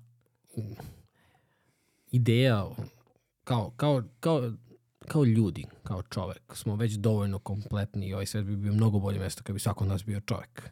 Ideja da treba da postanemo neki nadljudi, mm, možda trebalo malo da padne u vodu u smislu aj prvo da dođemo do tog segmenta ljudi. Ovo što čemu ti pričaš te vodi u stvari ka tome da postanemo ljudi, znaš. Vodi da smo bliže. Da, bliže, okej. da, da, da okej, vodi da smo okej. bliže. A, kad smo već kod odlazaka i dolazaka, pazi, svako pravilo mi se sada Da, da, slaže se, nadovezuje se, znaš.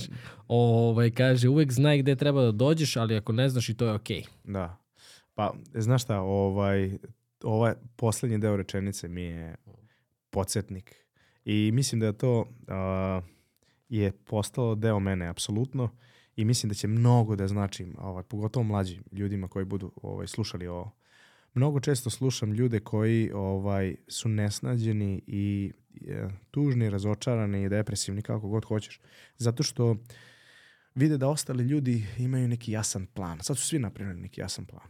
I svi su u nekim ciljevima. I svi se pomiču sad oko njih. Sindrom srednje škole. Svi znaju šta ćeš da, upiš, da upišu u fakultetu, jedini ti ne znaš. To, je sam inače sindrom. bio ja. Mislim, sad si dao... E, okej, e, bravo. Da, odličan Da. primjer. Kako se osjeća?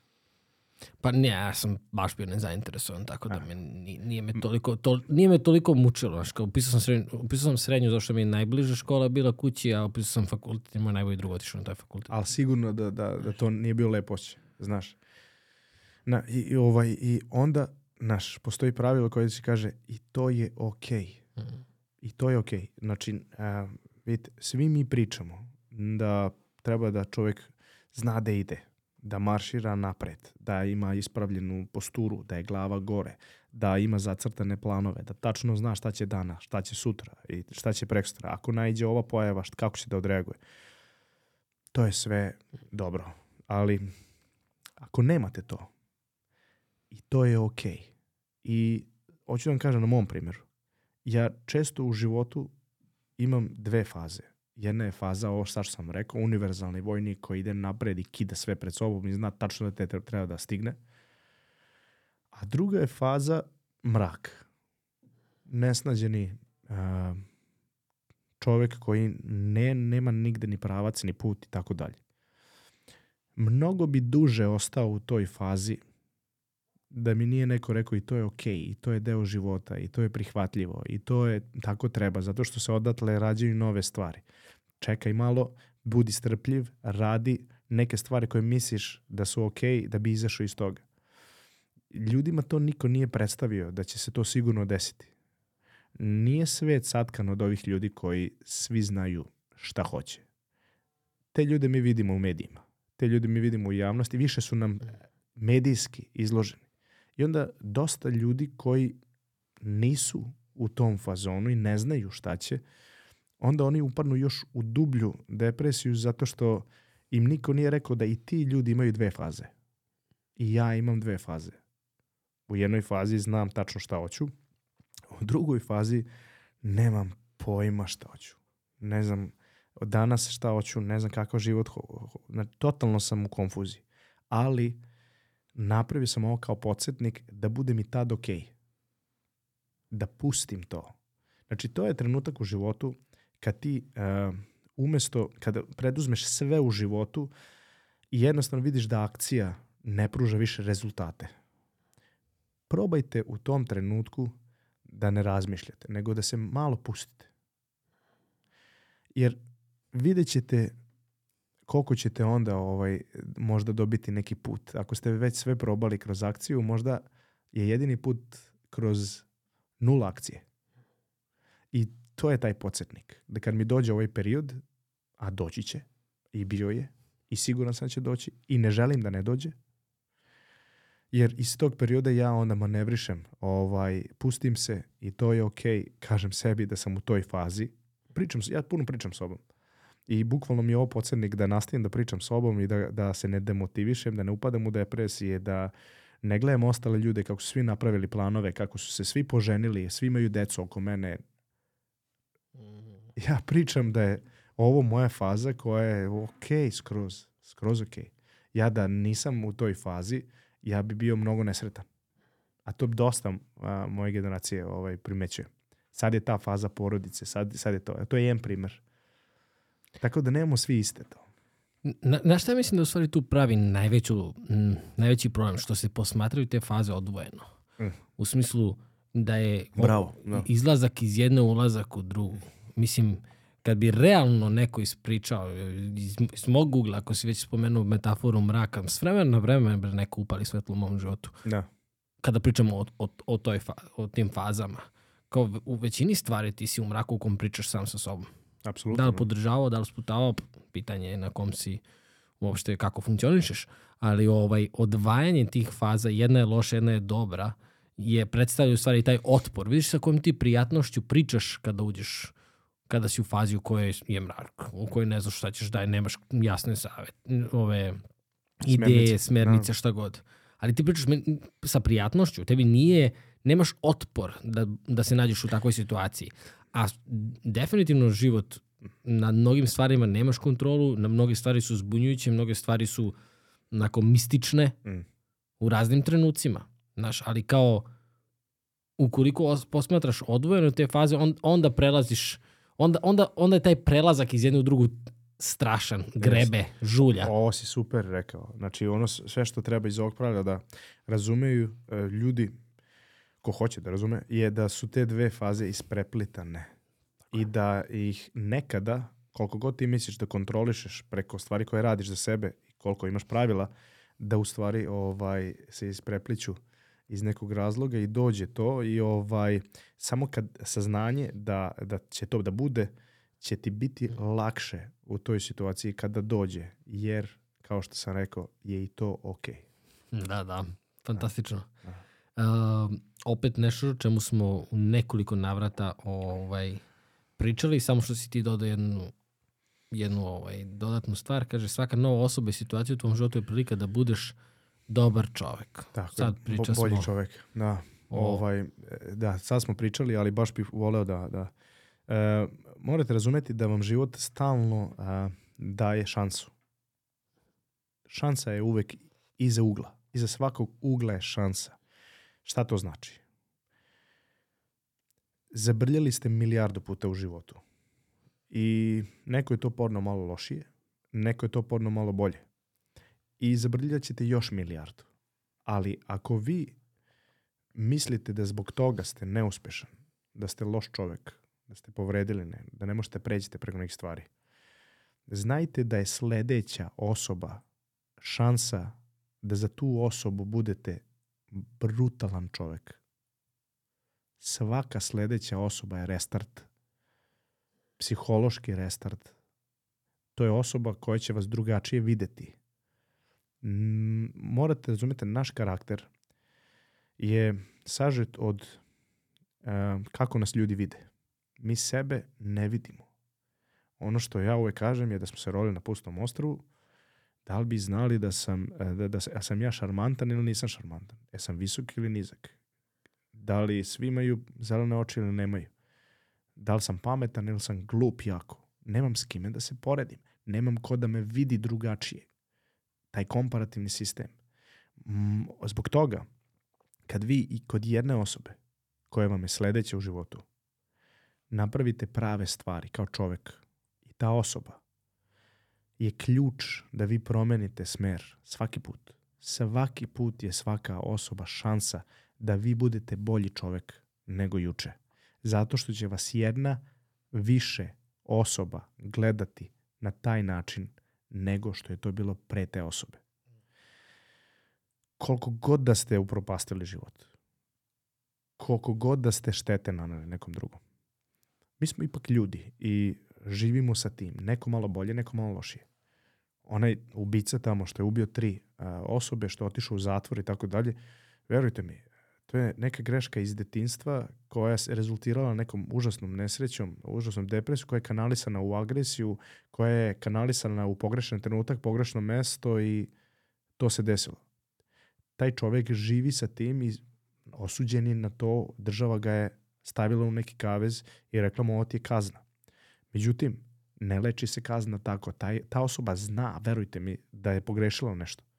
Svaka sledeća osoba koja dođe u život te osobe je šansa da on bude bliži boljem čoveku, a jako se odaljio. Ovo je malo ekstreman primer. Hoću samo da se osvestim. Znaš, ako znamo da smo povredili nekog, ako znamo da Ja imam ovaj jako zanimljivu priču e, sa, e, kad sam bio kod mog psihoterapeuta i sad smo pričali i sad mi je najzanimljiviju stvar rekao, postavio me kao zadatak, a to je da li možeš da se vratiš u, tvoje, u tvoj predškolski period i a, kažeš mi šta je najgora stvar koju si uradio?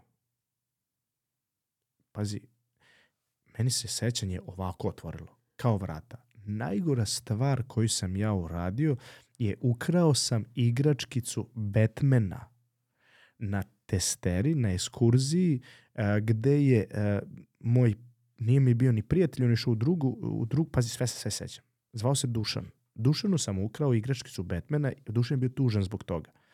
Ja dan danas sebi podsvesno nisam mogao da to rade loši ljudi. Kradu loši ljudi. On je bio tužan zašto sam ja ukrao igračku Batman koju ja nisam mogao da imam. A jako mi se svidela. Razumeš? I, ta, onda, mi, i, i onda šta psihoterapeut uh, uradi? Predstaviti to iz dimenzije sadašnjeg mozga. Ok, vidi ovako. Uh, indijanci su jedna od veština odrastanja. Pored lova, pored svašta, da bi postali neki ratnici su, kad su bili mali, takmičili se ko može bolje da ukrade. To je normalno kod ljud, homo sapiensa, da dokaže se kao veštinom da može da ukrade nešto, a da drugi to ne saznije. Znači, to je normalna evolucija čoveka. To je bila tvoja potreba da se ti dokažeš. To je broj jedan. Broj dva. Jel ti taj dušan negde u, u okolini sad? I rekao, srećem ga jednom u tri meseca i dalje živi u tom gradu, tačno znam i svaki put pomislim na to kada, rekao, slušaj ovako, sledeći put ćeš da priđeš njemu, koliko god on mislio da si lud, ćeš da kažeš to, da si to uradio. I rećeš, brate, možemo popijemo pivo, ovaj, teo sam ovo ti kažem, rekao, izvini, molim te, ovaj, ne, ne, ono, znam da će ti zvučati ludo i glupo i sve, ali morao sam to da ti kažem. Ja sam to uradio. Ja sam ga sreo pred cijelim društvom. Ja sam rekao, ljudi, da li može jedan trenutak, moram da kažem nešto. Deset ljudi, polupijenih u, u neko, na nekom terasi u, u izlasku. Su ime slušaju, šta sad, poludeo sam. Rekao, Dušan, ovaj, ukrao sam ti igračkicu.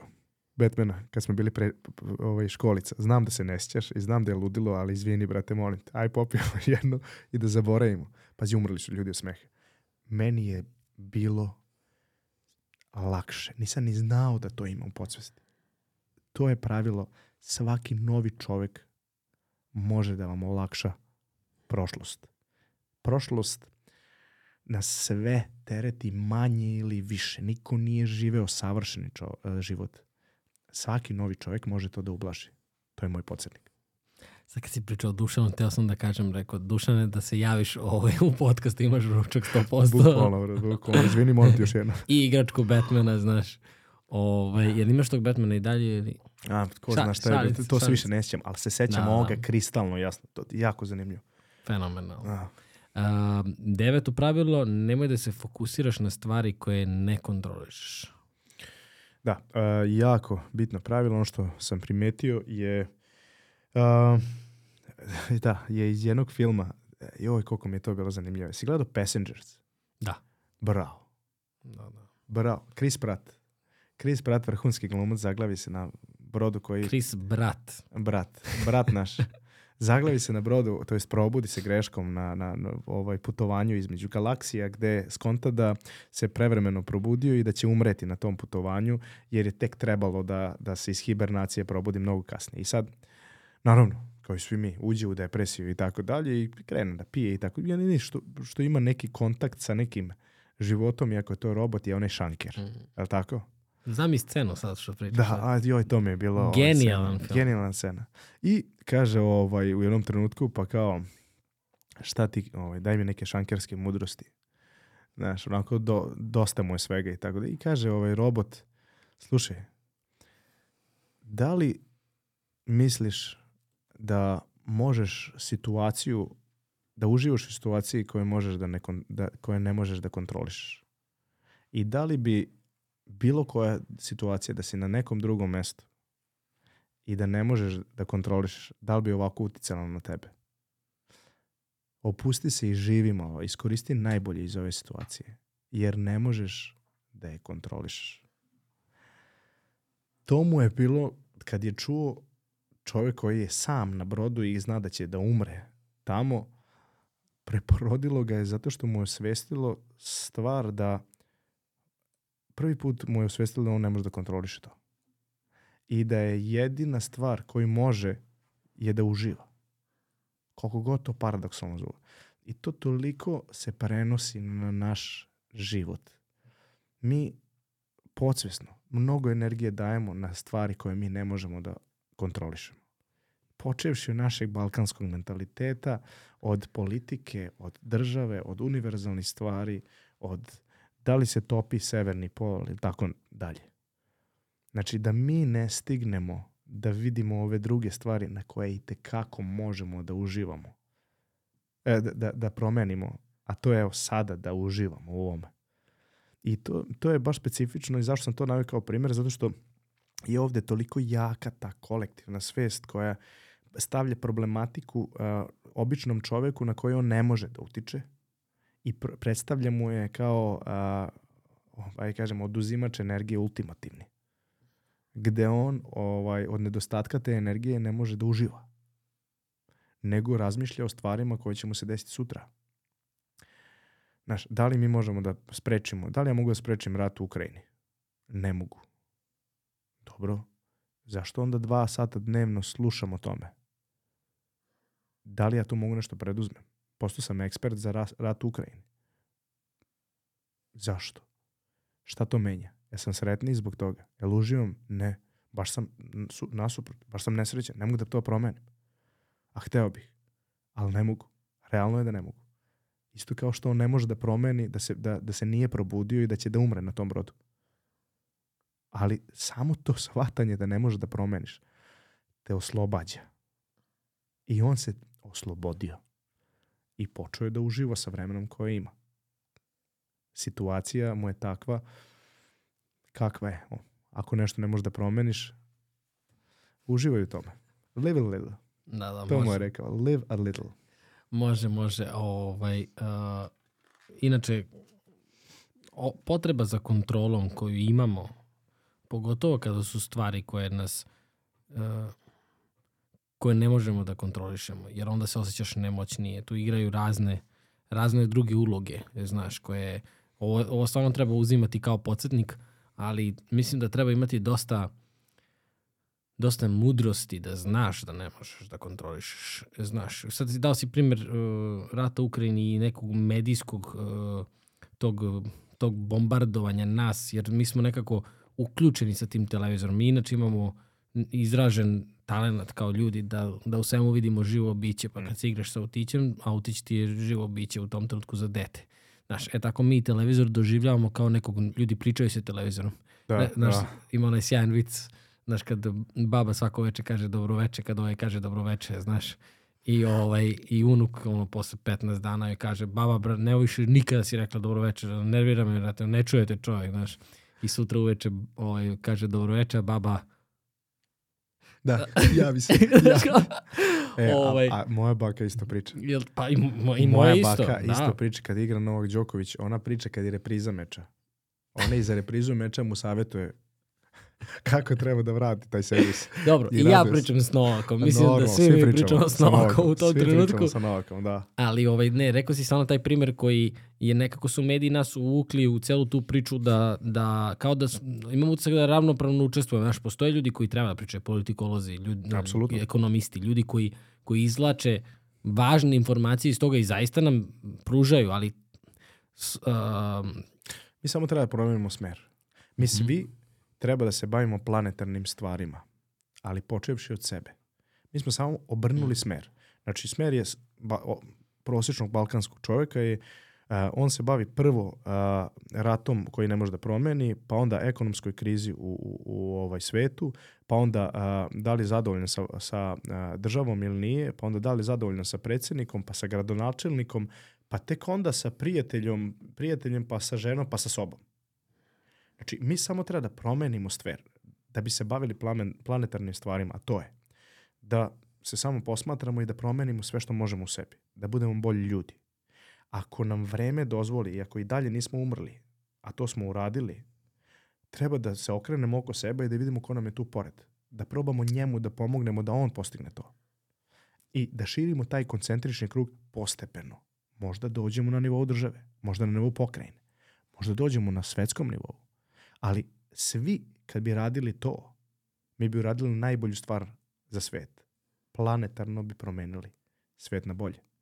Tako da samo smer, mi svi treba se bavimo, bavimo planetom, ali ne od, od kraja do nas kao početka, nego od nas do kraja. Samo je to. Taj podsjetnik. ajmo dalje. Može? Deseto pravilo.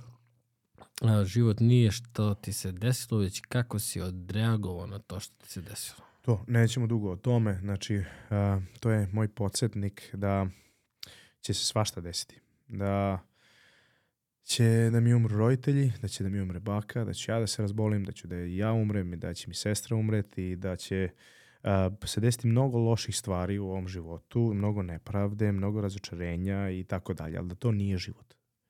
Da je život moja reakcija na to što ja već znam šta će se desiti. I samim tim sam svojevoljno se stavio u situaciju kako bi uvežbao i kako bi odreagovao na pravi način pre nego što to dođe. To je jedan mehanizam odbrane koji preporučujem svima. Uh, svašta će vam se u životu desiti. Sad malo razmislite. Izvini što sam uradio ovo, ali baš što sam uradio ovo, ćete siguran sam postati mentalno za stepen jači nego da vam nisam uradio ovo. Uh, to vas sprema na reakciju kako ćete vi da odreagujete kad dođete te stvari. Ne samo loše, ovo je ekstremni primjer da vas onako prodrma malo ako slušate ovo, ali isto tako i na lepe stvari. Znači, desit će se i jedno i drugo. Život čini kako mi odreagujemo na te stvari koje će se svakako desiti. I to je jedan podsjetnik za mene vrlo, vrlo bitan koji me priprema za stvari u budućnosti a, da je u stvari moj život ili film koji će da bude o meni, o neki imaginarni, ovaj, da je u stvari to kako sam ja odreagovao, a ne, ne šta mi se desilo. I ja uvijek slušam, uh, ima, u stvari malo ćemo se zadržati, dva primjera. Uh, uvijek, znaš, one ljudi koji kažu, e, e, kad sam bio mali, ne znam, poginuo mi je otac u ratu ili svašta nešto. I on večno priča o tome, to ga je definisalo kao čoveka. On nije odreagovao na to na pravi način. Imaš ljude koji, koji je izgubio celu porodicu, koji se rodio bez ruku, koji tamo neki Niku Vuječić ili tako dalje. Ili ovaj, jedna moja drugarica Jadranka koja je stvarno imala težak život, ali je sve to uticalo da ona odreaguje na, ne može bolje na tu poteškoću. Gde bi njoj na kraju taj film bio sa happy endom zato što ona odreagovala drugačije, a isto joj se loša stvar desila. Znači, to je moj podsjetnik da moj film na kraju o meni uopšte se ne radi o tome šta mi se desilo. Desi se mnogo ružnih stvari, mnogo ružnih stvari. Nego da je film o tome kako sam ja odreagovao na to. I na dobre i na, na, ružne, na ružne stvari. A me razumeš? Ne, ovo mi je baš povezano sa ovim upravo prethodnim pravilom za kontrolu, jer ćeš drugačije reagovati kada znaš da kontrolišeš i kada znaš da ne možeš da kontrolišeš. Imao sam u podcastu, u drugom podcastu koji smo snimili Tatjana Vojtehovski i ja. Uh -huh. I ona je pričala, pre jedno, dva i po sata smo pričali otprilike o tome koja je razlika između doživljaja i događaja. Uh -huh, bravo. I kako mi doživljavamo događaj, i kako mi objašnjavamo sebi da istu hemijsku olovku ti i ja drugačije doživljavamo. I za druge stvari je koristimo, ti koristiš da precrtavaš reči, ja koristim da crtam, da, da pišem, da. lupam. Da, da, da. Znaš, zanimljivo. Mislim, ti si sada stvarno ekstremno nešto rekao, Jesam. što sa druge strane, to je onaj stoicizam u tebi, Jeste, ovaj, jeste, da. što je um, realnost. Mm. Znaš, to je možda jedina realna stvar o kojoj mi odbijamo da pričamo. Apsolutno, da. Znaš, ali ima, ima u pravilima, znam, a, tako da ćemo pričati i dalje. Ovaj, slobodno ti, ako ti je Da, vruće, da izvini. presečemo, da.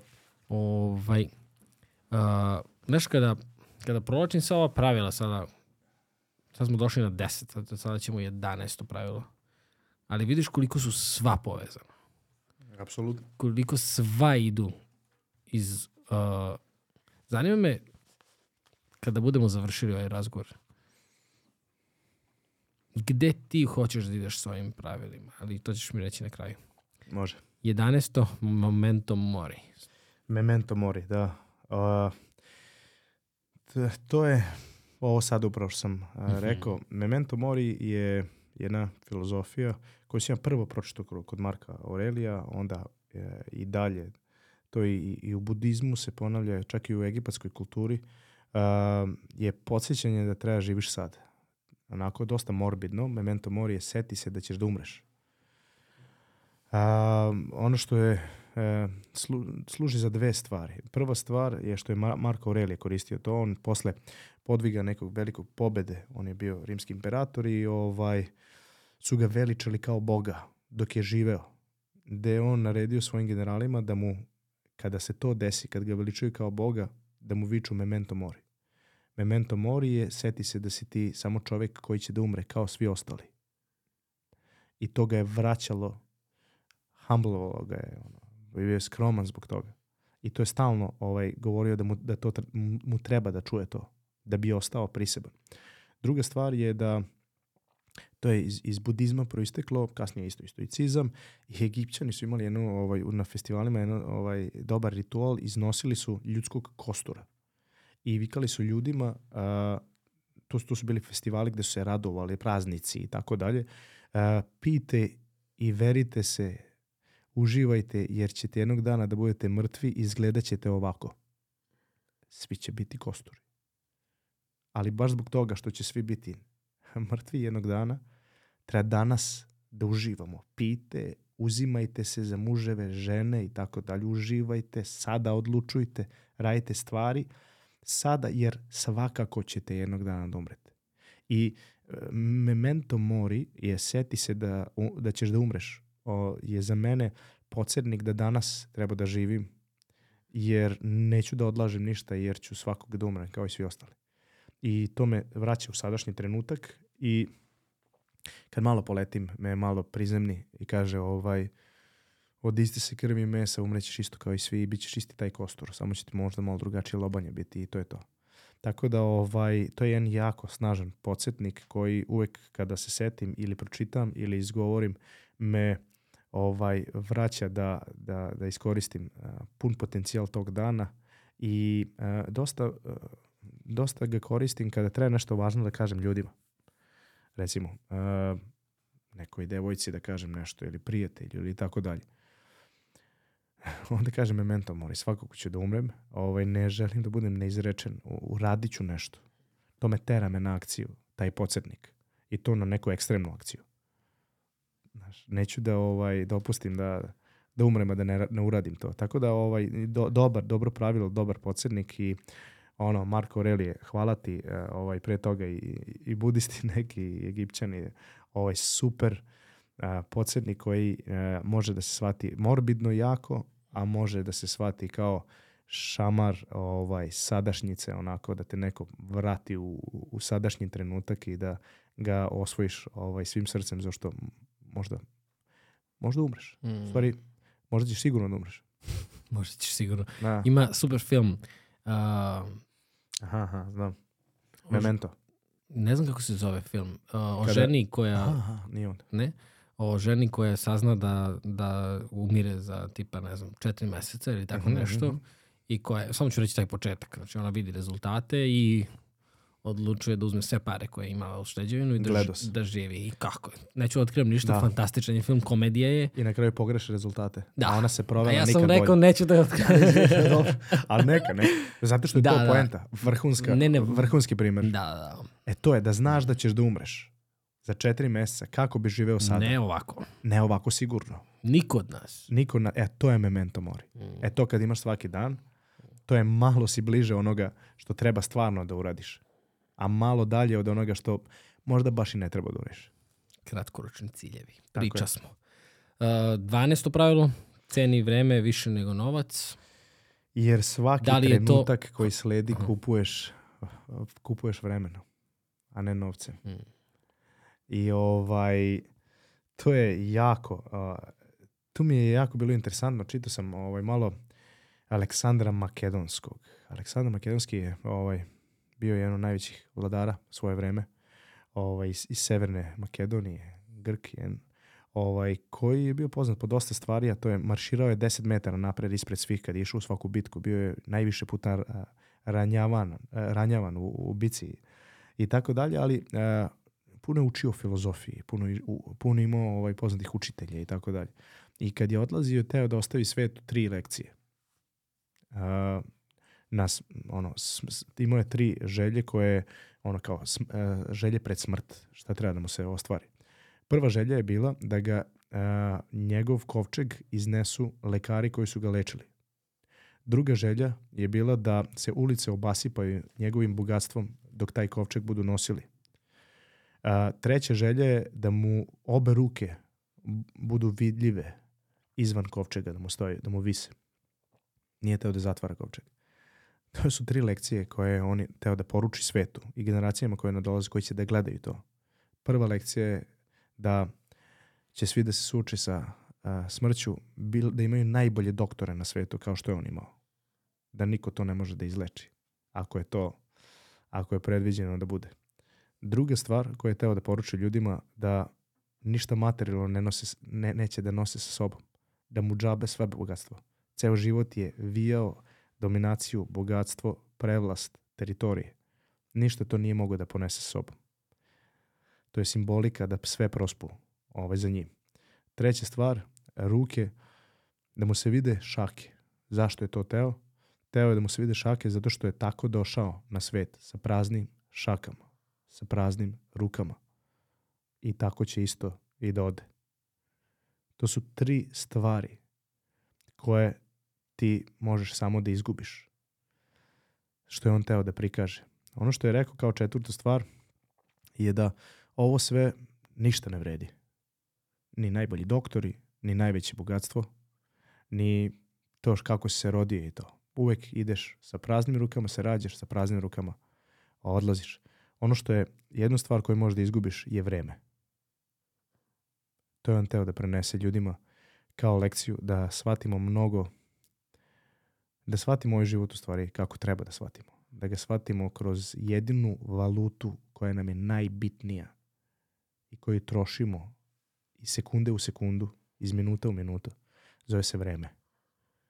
I zašto? Zato što ne možeš da kupiš vreme nazad. Ima jedan film sjajan, ne znam da si gledao. Justin Timberlake igra u filmu uh, 17 ponovo? uh, ne, neki time, uh, ne znam kako se tačno zove, uglavnom imaju sat na kome uh, pokazuje sat koliko im je vremena ostalo u životu. O, I rade za vreme. In Time. In time, e bravo. Ludilo film. Ludilo je film koji upravo tu poruku plasira. Znači da je vreme najveća valuta i da mi radimo za njega, a ne ono za nas. I da moramo da pazimo i da osvestimo šta ćemo da uradimo s tim vremenom koje nam je dato. Da ovo ostalo sve nećemo moći da ponesemo. Mislim da je rečenica iz tog filma ovaj, uh, vreme nam ne prolazi, vreme nam ističe. Ističe, apsolutno, da, ističe. I koliko Kako to? smo se rodili, tako nam vreme krenulo da nam ističe. I samo tim, malo smo morbidni u zadnjih 15 minuta, ali samo ovaj, podsjetnikom ovaj, tog i, jako moćan podsjetnik, bukvalno, da, da, ovaj, da treba da živimo sad, da ništa ne odlažemo i sve neke želje što imamo, možda bi trebalo da nazovemo tu osobu ili da nešto uradimo što smo već dugo čekali, što nikako da ovaj uradimo. Možda je ovaj podcast a, onako će biti podsjetnik da ono, uzmi telefon i uradi to sada ili nešto što možeš da obaviš, to je jer vreme ponestaje. Vreme ti ističe. Ti kažeš morbidni i ja mislim da, ovaj, jako zvuči tako. Mislim da je mnogo morbidnije ono što se dešava svakog dana, gde neko izno izno ubija svoje želje, svoje potencijale, svoje snove, gde ima, ima sjajnih tih izjava gde, ne znam, da ljudi žive jedan isti dan 45 godina, da li su oni živeli ili su oni umrli tog dana kad su prestali da se menjaju i tako dalje i tako dalje. Ali ovaj, ovo je stvarno jako onako jak podsjetnik, možda ne za svačiji želudac, ne znam u kom, si, u kom su okruženju rasli, da li Da. se pričalo ili nije, ali definitivno nešto što znaš, ne izmišljaš ti sada nešto ili ne pretiš ti nekim prirodnim katastrofama, to je Da, da, vrlo realno. sastavni deo Da, života, apsolutno, znaš. da, da. Ajmo dalje. A, am, amore fati? Amor fati, vidi, to je, e, sad idemo malo onako, u- zaljubi se u svoju sudbinu. Znači, Nietzsche govori o, o Amor fatiju, kaže, o, budi zadovoljan, to jest ne, ne želi ono što a, misliš da želiš sutra i ne tuguj za onom što si imao juče, nego Amor fati je glavna formula za veličanstvo jednog čoveka, a to je da budeš zadovoljan sa onim što imaš danas bez da napreduješ. Jer je to tvoja sudbina u kojoj moraš da se zaljubiš. Jedino tako zaljubljen iz dana u dan u tvoju sudbinu i sve okolnosti u kojima se sada nalaziš, možeš da budeš veličanstveno srećan. Amor fati. Sudbina vuče na, na izraz koja je nešto kao budućnosti, a ovo je sudbina koja je trenutno. Tako je. Tvoja sudbina koja te dovela u ovaj trenutak. Tvoja sudbina na životnom putu koji je sada. I to je fenomenalno pravilo da se podsjetiš. Samo kažeš amor fati. To je ne, neverovatno. Znači, z, z, ono, prihvati i zavoli i zaljubi se u sve okolnosti koje ti se sad upravo oko tebe dešavaju. To je, kako tako živiš život, nema dalje. Nema dalje. Drugo je ono, ono prvo pravilo, znači živiš život na način broj dva, da se vratimo sad. Znači to je stvar fokusa. Ti fokus drugačiji, imaćeš lepši i bolji dan zašto ćeš videti druge stvari koje si propustio jer nisi vidio od ovih što je mozak odlučio da su bitnije, a to su stres, frustracije, bla. Ali ovo je skroz nešto drugo. Ovo je zaljubi se u sebe u ovim okolnostima u kojima sada postojiš. Da li misliš da je tu se radi paralela između jel, zaljubiti, odnosno voleti neš, nekoga, znači prihvatiti ga? Da, to je ono, prihvati sebe kakav jesi u ovom trenutku, jer mm, ono, ako budeš očekivao nešto od sebe, no, opet bit ćeš u budućnosti, ako mm, budeš mm, se prisjećao za nečim što je bilo, opet nećeš biti tu. Znači sada, sa svim ovim stvarima što imaš, e, znači, to zavoli, zaljubi se, zato što je to nešto najlepše što postoji na svetu. I ta energija, to bivanje, što oni kažu, biva i tako. Znači, ako neko uspe, ja još nisam, ali da biva tako u toj energiji, to će biti najlepši život koji postoji. To, to je Nietzsche rekao. Znači, to je formula za veličanstveno srećni život i amor fati. Svaki dan da se ti zaljubiš u svoje okolnosti. Zaljubiš. Da zavoliš, kako god hoćeš. Da. O Amor Fati mislim da možemo da pričamo jedan Da, ceo podcast. da, znaš, bukvalno. ali ovaj, sad smo ga samo izdvojili kao jedno pravilo. Pravilo broj 14 kaže ako hoćeš brzo da napreduješ, juri nekog ko je brži. Da. Sad to mi objasni, zato što smo ti ja imali jednu fantastičnu konverzaciju, debatu, rekao bih, između... Uh, tad izašao Jordanov ovaj, dokumentarac o tom takmičarskom duhu i tako e, bravo, dalje. bravo, bravo, bravo, da. Vraćam, te, vraćam te na ovo jurenje. Da, ovako, znači, uh, ako hoćeš da napreduješ, ako viješ neki uspeh, uh, pogledaj film Rush. Film Rush je Niki Lauda i uh, ovaj James Hunt.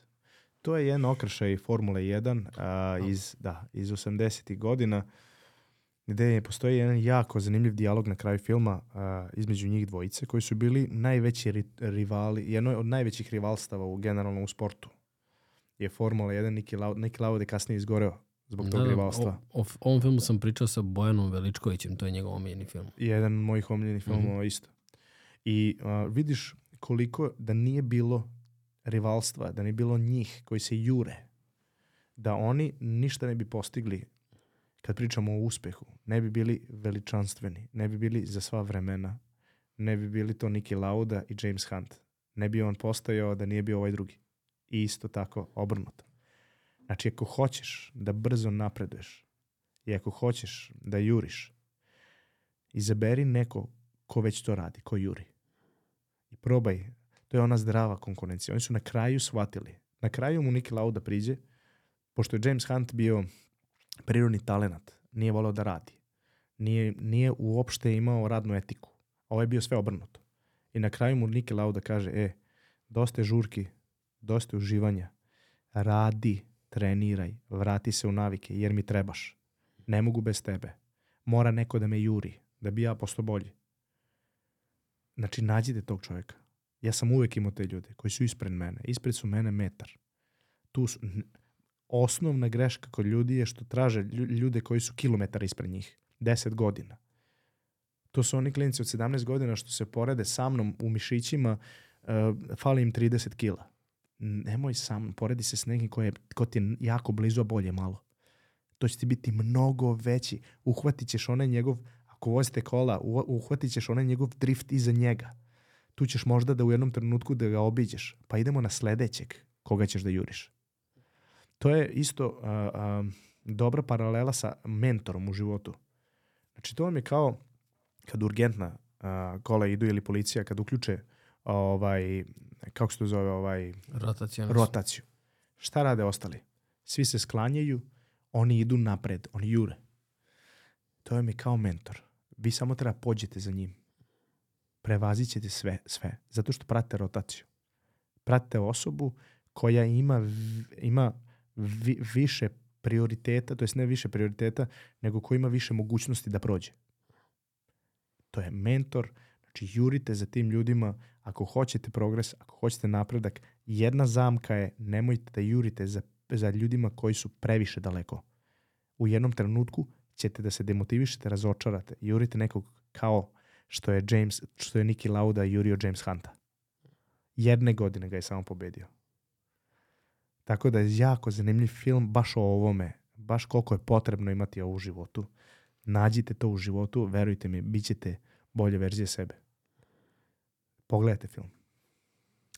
A, 15. pravilo, sad pričaš bre o tim zakonima koji se krše. Kaže, da. pređi ulicu na crveno ako nema opasnosti. Kaže sad pratite hitnu pomoć. Nemoj pratiti da. hitnu pomoć u pravom životu, zato što ćete dobiti kaznu i ugrožavate svoj život i živote drugih ljudi. Od, od momenta morija do Dobro, ovo je, prekršaja. Ovo je bilo paralela. Prošlo pravilo je bilo paralela, ali ovo nije. Ovo je bukvalno pravilo. Gledajte ovako. Aj samo malo da dublje razmišljamo. Znači, postoji ulica koja je bila nekada pustinja u Novom Sadu. Tu je bio nekad pesak. Došli su neki ljudi koji su izgradili grad. Da, pesak je, Novi Sad je na, na pesku. Uh, došli su neki ljudi koji su izgradili grad. Ti ljudi su onda odlučili gde će da budu ulice. Onda su odlučili kakva će da bude pravila za prelaske ulice. Šta su ta pravila? Pravila su tu da nas zaštite da nismo životno ugroženi. Ok? Ti stojiš na crvenom, nema nikog ni levo ni desno i dalje stojiš. Pravila nisu tu da ti stojiš na crveno, iako ti je tako predstavljeno, nego da nisi životno ugrožen. Jel me razumeš? Ti ljudi koji kažu, ok, znači shvatio sam, a, prirodu i poreklo pravila i prihvatio sam da nisam životno ugrožen, preuzimam stvari na svoje ruke, prelazim ulicu, idu dalje od ljudi koji i dalje čekaju na semaforu. I ja uvek kažem, kad prelazim s nekim, kad vidim da nema nikog, pređem uvek na crveno i kažem ovom drugom, e više ove ljudi što su ostali, oni neće daleko u životu. Zato što sve sistem što im kaže, Matrix, Andrew Tate, će oni da poslušaju. A sistemu trebaju radnici. Treba im da poslušaju da rade od 8 do 4. Treba im neko tu. Treba da poslušaju da stoje na crvenom iako ni ne znaju zbog čega. Nema životne opasnosti. Nema policije koja će te kazniti. Pogledaš levo, pogledaš desno. Nije, nije. Znači, e, hoću da kažem da ljudi koji se preispitivaju, koji preispituju neke uh, odluke koje su drugi ljudi doneli, koji nisu ništa više od njih, su ljudi koji nekad nađu rešenje u tim odlucima i koji idu dalje. To je jedan od razloga zašto naši ljudi više uspevaju u inostranstvu od, od ostalih.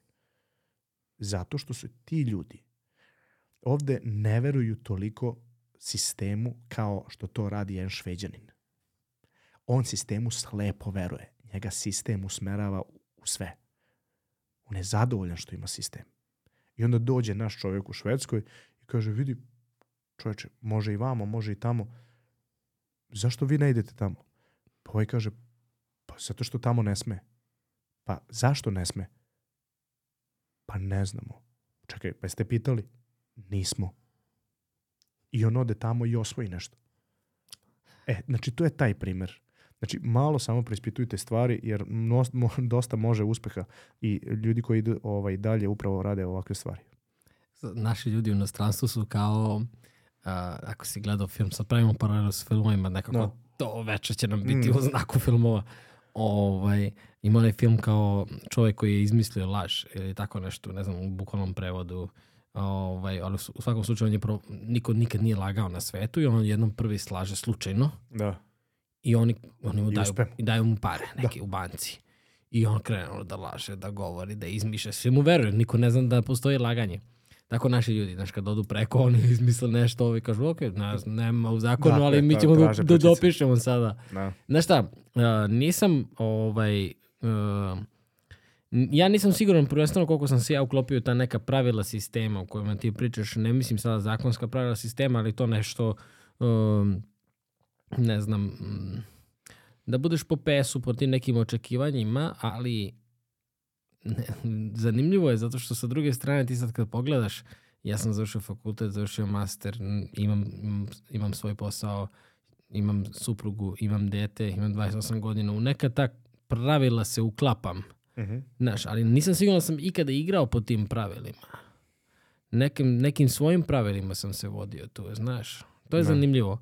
A rezultati pokazuju suprotno. Sad, sad kad sam krenuo ti kažem, Da.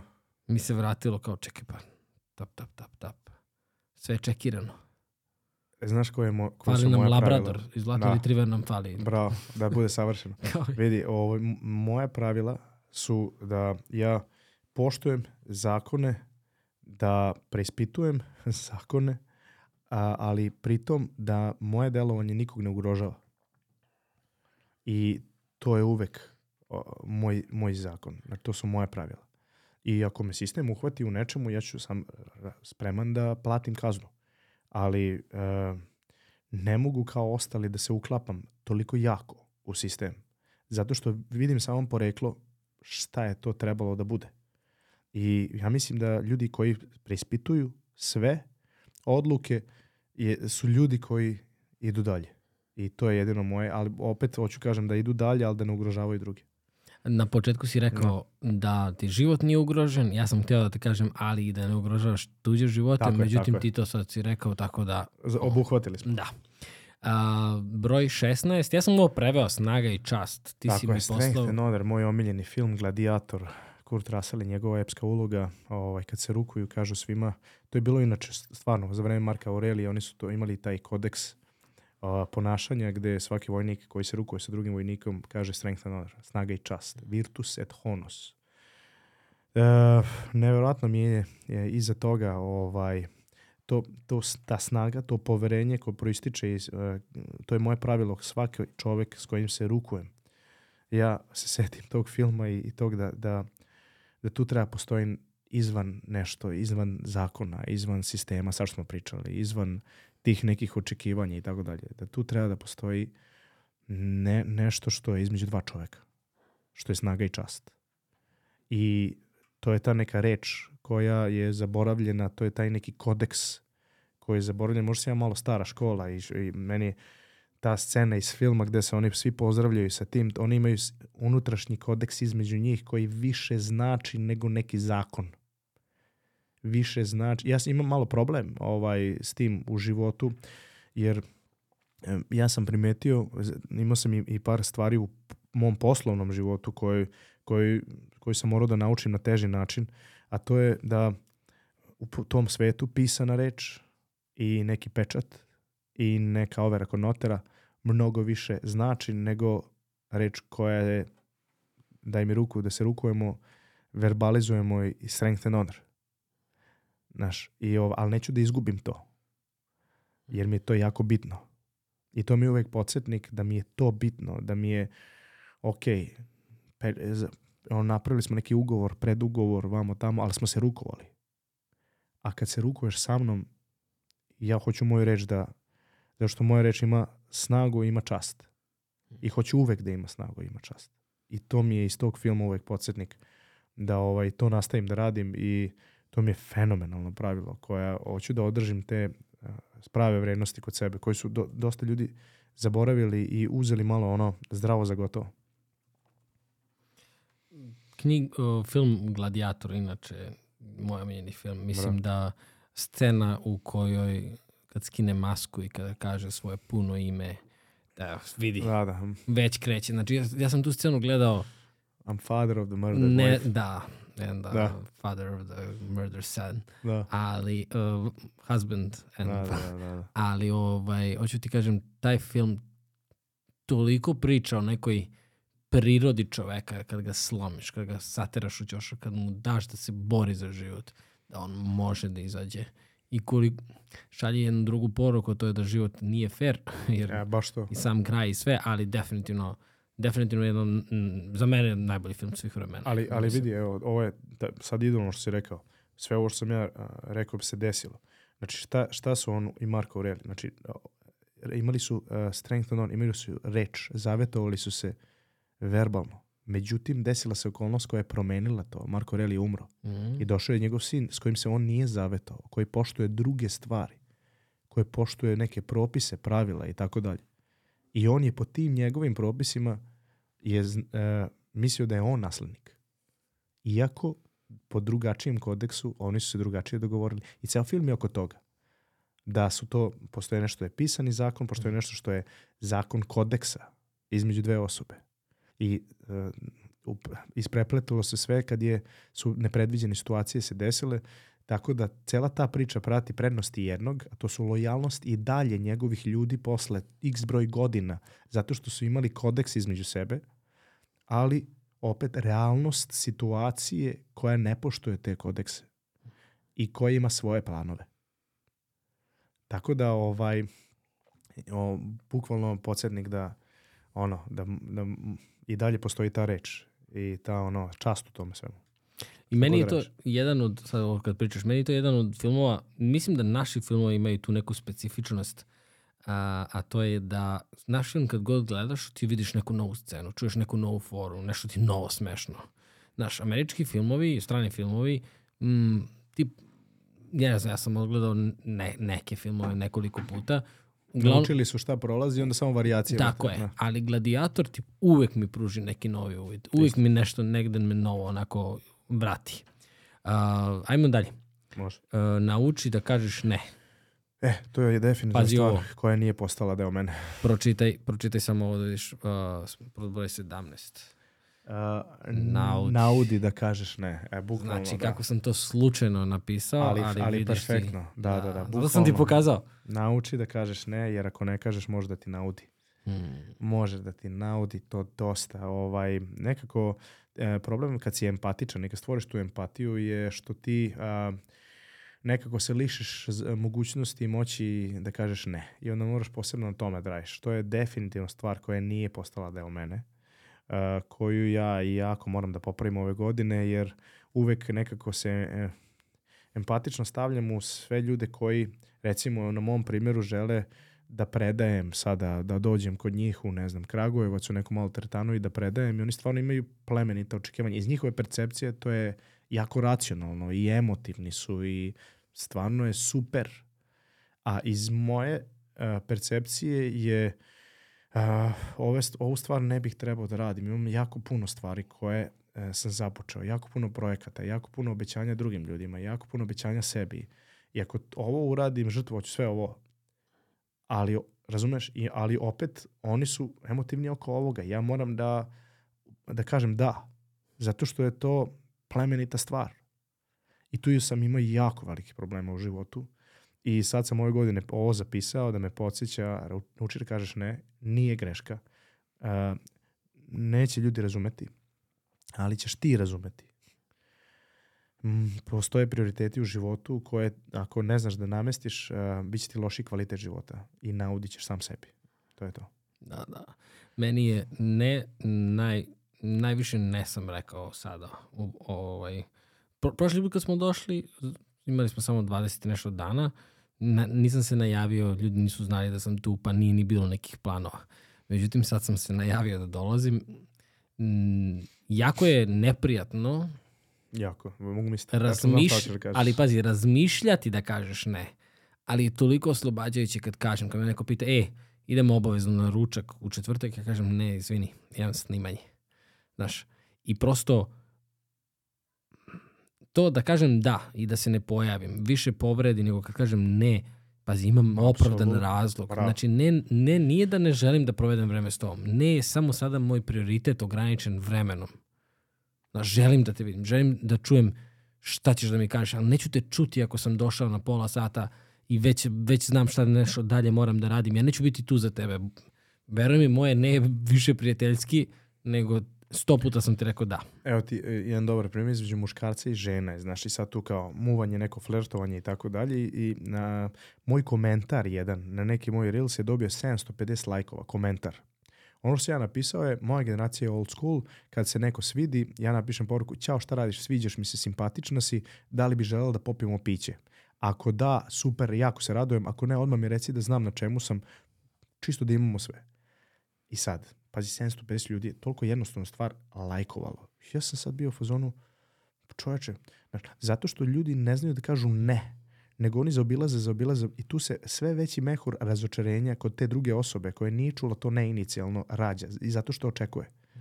I e, to je toliko moćno stvar da kažeš ne. I onda sam dobio naravno od gore, ko veruje u Boga, ovaj, odma ispit.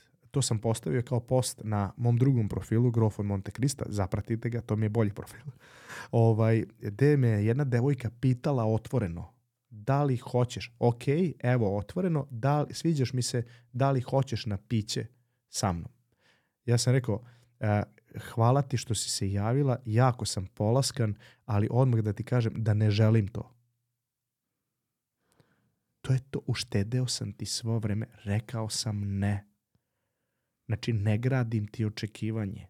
Nisam te ubacio u, u nešto, pa neću se pojaviti što ti kažeš. To boli. Ovo mal, mnogo manje boli. Nauči da kažeš ne. Ne želim, super, sva, poštujem, ali ne želim. I, ta, I onda ti samo treba još jedan stepen, a to je moć komunikacije, da to upakuješ lepo, da nekog ne povrediš. Naravno, ekološki. Tako je, ekološki i ukrasni papir, jer to svima treba. Stvarno, potrudite se ljudi, sve stavljate u ukrasni papir, jer ćete tako da ublažujete stvari. To je moć, to je moć komunikacije. Tako da, to je to. Ne, ne dolazi, samo treba isto razumeti zašto je negativan odnos sa ne. Prvo zato što ne je negacija, drugo zato što nisi smeo da kažeš ne kad si mali, znaš, ako te neko nešto Aha, pita. aha. Ja sam, imao sam jedan razgovor sa psihijatar, mislim da je, da je, da je bio u pitanju neko od njih, ne mogu sad ta- tačno da setim epizode, ali kaže, ne nam je toliko čak se izgadilo, zato što nismo smeli da kažemo ne i kad nismo hteli telesni kontakt. Znaš kad si mali pa te neko zagrli. Da, Ili ne ja, da ja kažeš se bravo. neko me hvatao za obraz. Ja, ja nisam to voleo da me neko gnjavi. E, Znaš šta je meni ostalo? Pazi to. Evo sad to kad mi kažeš. Meni je ostalo ono, znaš kada ne, vid, ne vidiš neku rodbinu od 10 godina, kad si mali i odeš kod njih i 20 ljudi se po, poređa, moraju svi da te poljube. Da se javiš da te poljube. Ja sam mrzeo to.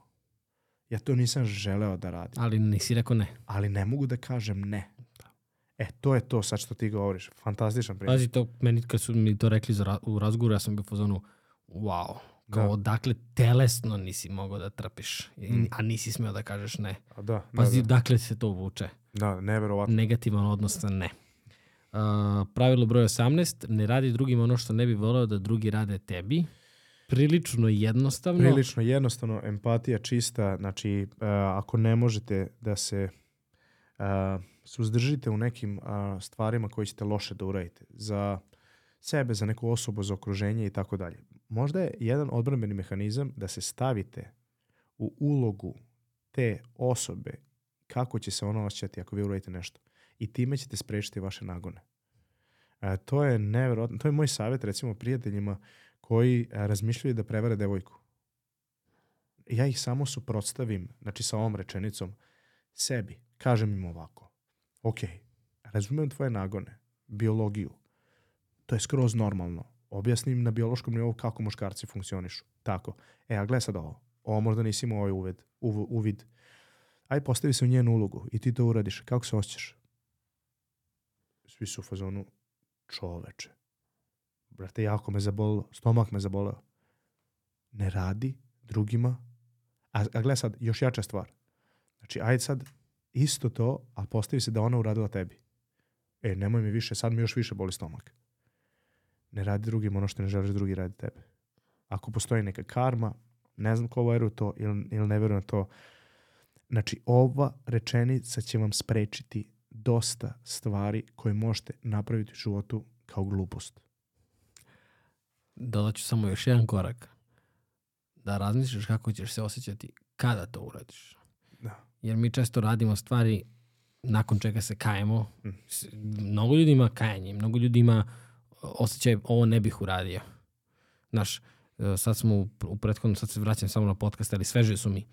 Ovaj, pričao sam sa a, Nikolom Krstićem, Mhm. inače ovaj, psihoterapeut, napisao je jednu sjajnu knjigu i ovaj, i on je dao primjer nek, nekog momka su sada ubili u Vojvodini, ja ne znam, to je, to je neka situacija od ove, od, iz ove nedelje, ja nisam ispratio.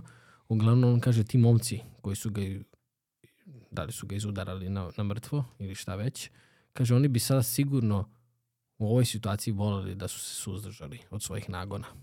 Ja sam dao sad opet ekstreman primjer, Mhm. ceo podcast je u nekim ekstremnim primjerima, Da, jeste. ali uzmi tvoj primjer, uh, što si rekao da neki drugar hoće da prevari devojku, Da. kako ćeš da se... O... Pusti nju. Pusti, pusti pre... Da. Kako ćeš ti da se osjećaš kad prevariš? Kako ćeš... Koliko će tebi biti prijatno sutra da nekoga pogledaš u oči i da kreneš da razvijaš, jer ta laž raste. Apsolutno, da. Znaš. Moraš živjeti s tim. A ljudi Tako uopšte je, nisu to je suočeni. teško. Tako je, ali ne, ne, ovi, u, to, u tom trenutku oni ne vide to. I onda ovo pravilo je isto i za mene. Ovo je blok, Da, da. blokada, mo- moja blokada. Ovo mi koristi pravilo kao moja blokada i kočnica da ja se stavim u svoju poziciju, u poziciju te osobe, znači da je obrnuta situacija i što ti kažeš kako ću se ja osjetiti posle toga. Znači imam tri ono kočnice koje me ono dosta štite. Da nemam ovo pravilo, bilo bi drugačije. Odlično. Ovo su tri alata, tri pitanja koje su Mhm. fantastične. 19. Posmatraj sebe više, a druge manje. Na, ovo, ovo, svim, ovo treba većini ljudi. Ovaj, uvukli smo se u komparativni sistem gde mi mnogo posmatramo druge ljude na društvenim mrežama oko nas, fokusirani smo na sve što drugi imaju, komšiji, komšije, i to je naš sindrom nekako, ne znam da li to i u ostatku sveta, to će mi ti reći. Ali ono što mi mnogo više trebamo je introspekcija, mnogo više trebamo samo posmatranje, mnogo više treba da učimo o sebi nego što mi analiziramo i učimo o drugim ljudima. To je neverovatno. Ja, evo sad, evo ti primjer. Sen dva, dve prijateljice, dva prijatelja, kako god. Oko, da li su ikad one pričali e, o sebi sa drugim osobama u smislu, ajde da imam neki problem, e, mislim da imam nešto da, da rešavam, možda mi pomogneš da to rešim. Ili je konverzacija bilo tamo. Pogledaj šta ona Marina radi. Pogledaj šta ona i drugi radi. Na gde idu više procenti? Budite realni. Na pogledajte, pričamo o drugim ljudima i o njihovim životima i o njihovim st- stvarima, če, čime god. Koliko malo idu razgovori je, e, je, hoću o sebi nešto da rešim, hoću o sebi nešto da saznam. Šta ti misliš o meni? Jesam dobar čovjek, jesam loš čovjek? Šta ti misliš o, o meni? Jer sam u ovoj situaciji uradio pravu stvar ili sam mogao bolje? Šta ti misliš? A ja i ti ćemo komentariste, e, jel onaj Marko mogao bolje da se ovaj ponese prema onom prijatelju? Koga to briga? Mi imamo mnogo, kad pri- pričamo procentualno, ja mislim, moje, bar, barem subjektivno mišljenje, 90-10. Da je 90% naš fokus, mozak, konverzacije, analiziranje idu na spolja, a 10% na unutra. Probajte da promenite to. 90-10 na, na, na ovu drugu stranu. Verujte mi, život će vam biti mnogo, mnogo bolje. Samo nisam siguran da si dao dobar primer. Sad ću ti reći zašto. Zato što si rekao da li ćemo pričati, e, imam neki problem, ili će pričati vidi ovu. Mislim da su to možda i dve opcije koje treba da imamo, da se otvorimo, da pričamo, e, ovo je moj problem. Mhm. Odnosno, da pitam kako misliš da ja to mogu da rešim, ako već pričaš s nekim. Sad si dao taj primer. Da, da, da, loše mislim, se izrazio. mislim da je da. ona treća situacija gde mi tražimo nekoga da sluša o našem problemu bez da rešavamo taj problem. Mhm, mhm. U, to, u, tom, u tom samom smislu sam ovaj kako se zove, uh, samo igra reči tu. Apsolutno, da. Jer imaš ljude koji te zovu da bi ih slušao četiri sata kako oni imaju problem. To je njihova ali ne- terapija. Tako je, ali oni neće da ti njima daš rešenje, niti da, znaš, nisu razumem te, otvoreni da, za to. Razumem te, Znaš, to je, Ali koji je procenat terapija. ljudi koji će dođi i kaže, e, slušaj, brate, ne znam, ovo me muči već danima, znaš, ne znam šta da radim. Mislim, lup, apsolutno. Vidi, i, i da oduzmemo, evo, ne mora konverzacija između dve osobe, nego generalno, znači, kada ti sedneš i kada si u kafiću e, i kada si naručio jelo i sam si je za stolom, znači 90% vremena što ti radiš je posmatraš druge ljude, kako su obučeni, šta jedu, kakva je situacija tu i tako dalje. Ti si zanemario sebe. Skroz. Ti ne znaš kako se ti osjećaš. Ti ne znaš šta ti želiš od ovog trenutka. Ti ne znaš gde će. Znači, konstantno ti je energija i koncentracija anali, analiziranju spoljašnjih stvari koje su totalno nebitne. Samo malo procentualno to promenite. Tako da ovaj, to je jedan dobar savjetnik da ja kad sednem u taj restoran, ja onda kažem, aha, ovo su drugi ljudi, aha, ovo sam ja, dobro, kako se ja osjećam danas, super, šta mogu da promenim povodom toga, mogu ovo, ovo ovo, dobro, šta mi se jede, aha, to, šta je dobro za moje telo, to, to, to i to. Ok, kakva mi je energija ovde, kako se ja osjećam u ovom restoranu, aha, mirno, super, su- e, baš se lepo osjećam, dobro, doću ponovo. Znači, samo sam promenio malo introspekcijom ovaj, neki unutrašnji razgovor umjesto da kažem ja, pogledaj što ti čovječ veći od mene, on garant trenira. Ono, e, pogledaj one patike čovječ, koliko ono košta. E, a on na TV šta, mislim, znači tu konverzaciju malo promenite, verujte mi, bit će vam bolji život mnogo.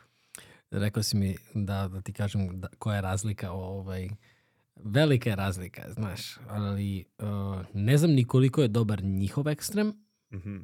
Koji je baš samo posmatranje sebe, ne interesuje me drugi, Da, da, da. što To je isključenost i Tanka linija. znam da me drugi ne posmatraju, pa ću da se ponašam kako ja hoću, što je opet ide u neki drugi ekstrem. Da, znaš. apsolutno, da. Moramo da, mi zavisimo od, mi smo socijalna bića i rekao si na početku, mi se i poredimo i sve to ima svoje mesto. Mm. Ima razlog zašto se pojavilo to kao, Samo da ne preterujemo. znaš, e to, Mm, da, da, upravo da, da. to, zato Pa što... to je onih 90-10, znaš. Znači uvijek sam ostavio onih 10 Mhm. da nije 100%, ono, da samo razmišljamo o sebi, to je bilo katastrofa, ono, i za nas i za ostale oko nas.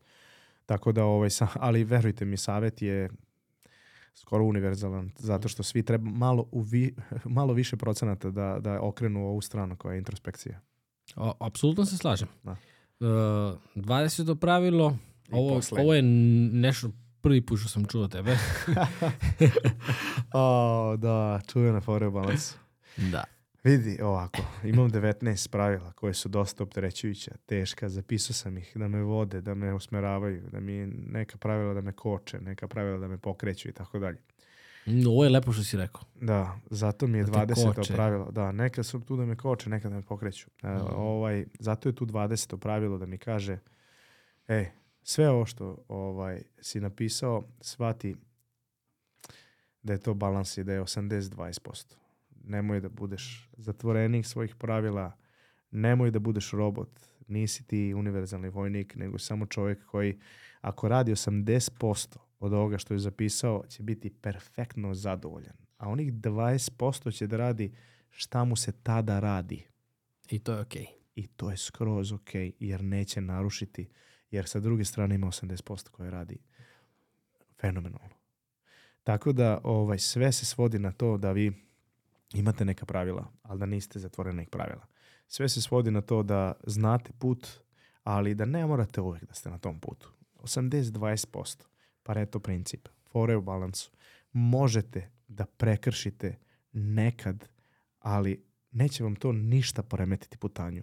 Zato što više stvari radite dobro, i to mnogo više, nego što radite loše. Ne mora da bude nužno loše, ali može da bude malo, malo i blago skretanje sa tog nekog puta koji si se usmerio i tako dalje, koji je autoput, možeš da odeš nekada na neko malo predeo koji je van tog autoputa, da i tu malo uživaš i tako dalje i da se kasnije vratiš na staro mesto. Mislim da je to mnogo održiviji model nego bilo koji drugi, jer 50-50 je previše, mnogo ćeš da skrećeš, može uvek to da te povuče, 100% da radiš ispravno stvari nije održivo i mnogo ćeš se lako razočarati sa prvom stvari koju ne uradiš kako treba.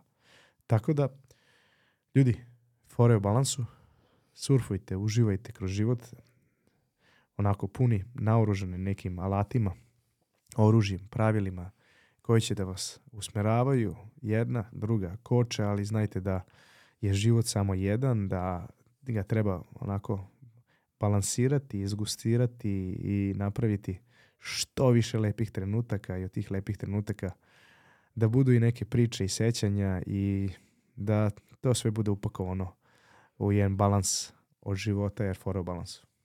Tvoj balans koji je uh, prevazilazi te osnovna pravila balansa, balans je 50-50. A, da, apsolutno. Znaš, da. ovaj, I to je ono što, uh, zašto ja volim da pričamo kada se spominje balans, ovaj, zato što kada pročitaš fore u balansu, Mm. ti shvatiš da je 50-50, nešto što ti prosto prirodno te vuče na neku tu vagu, balans, Mm.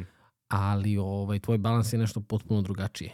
Skroz drugo i ja sam to st- ono, stalno pokušavam da iskomuniciram da ljudi ne shvate to pogrešno. Ja uvek kažem, to je sad jako zanimljivo ljudima što sam napravio kao uh, Novak Đoković, Tomas Zdravković mentalitet. Znaš, Novak Đoković sam pet ili šest dana nedeljno, živim kao olimpijski sportista, dva puta dnevno treniram sa svim rutinama, ujutru ustajem, izlaganje suncu, hladan tuš, svašta, svašta, svašta, isto tako ležem, ali onaj jedan dan sam Tomas Zdravković.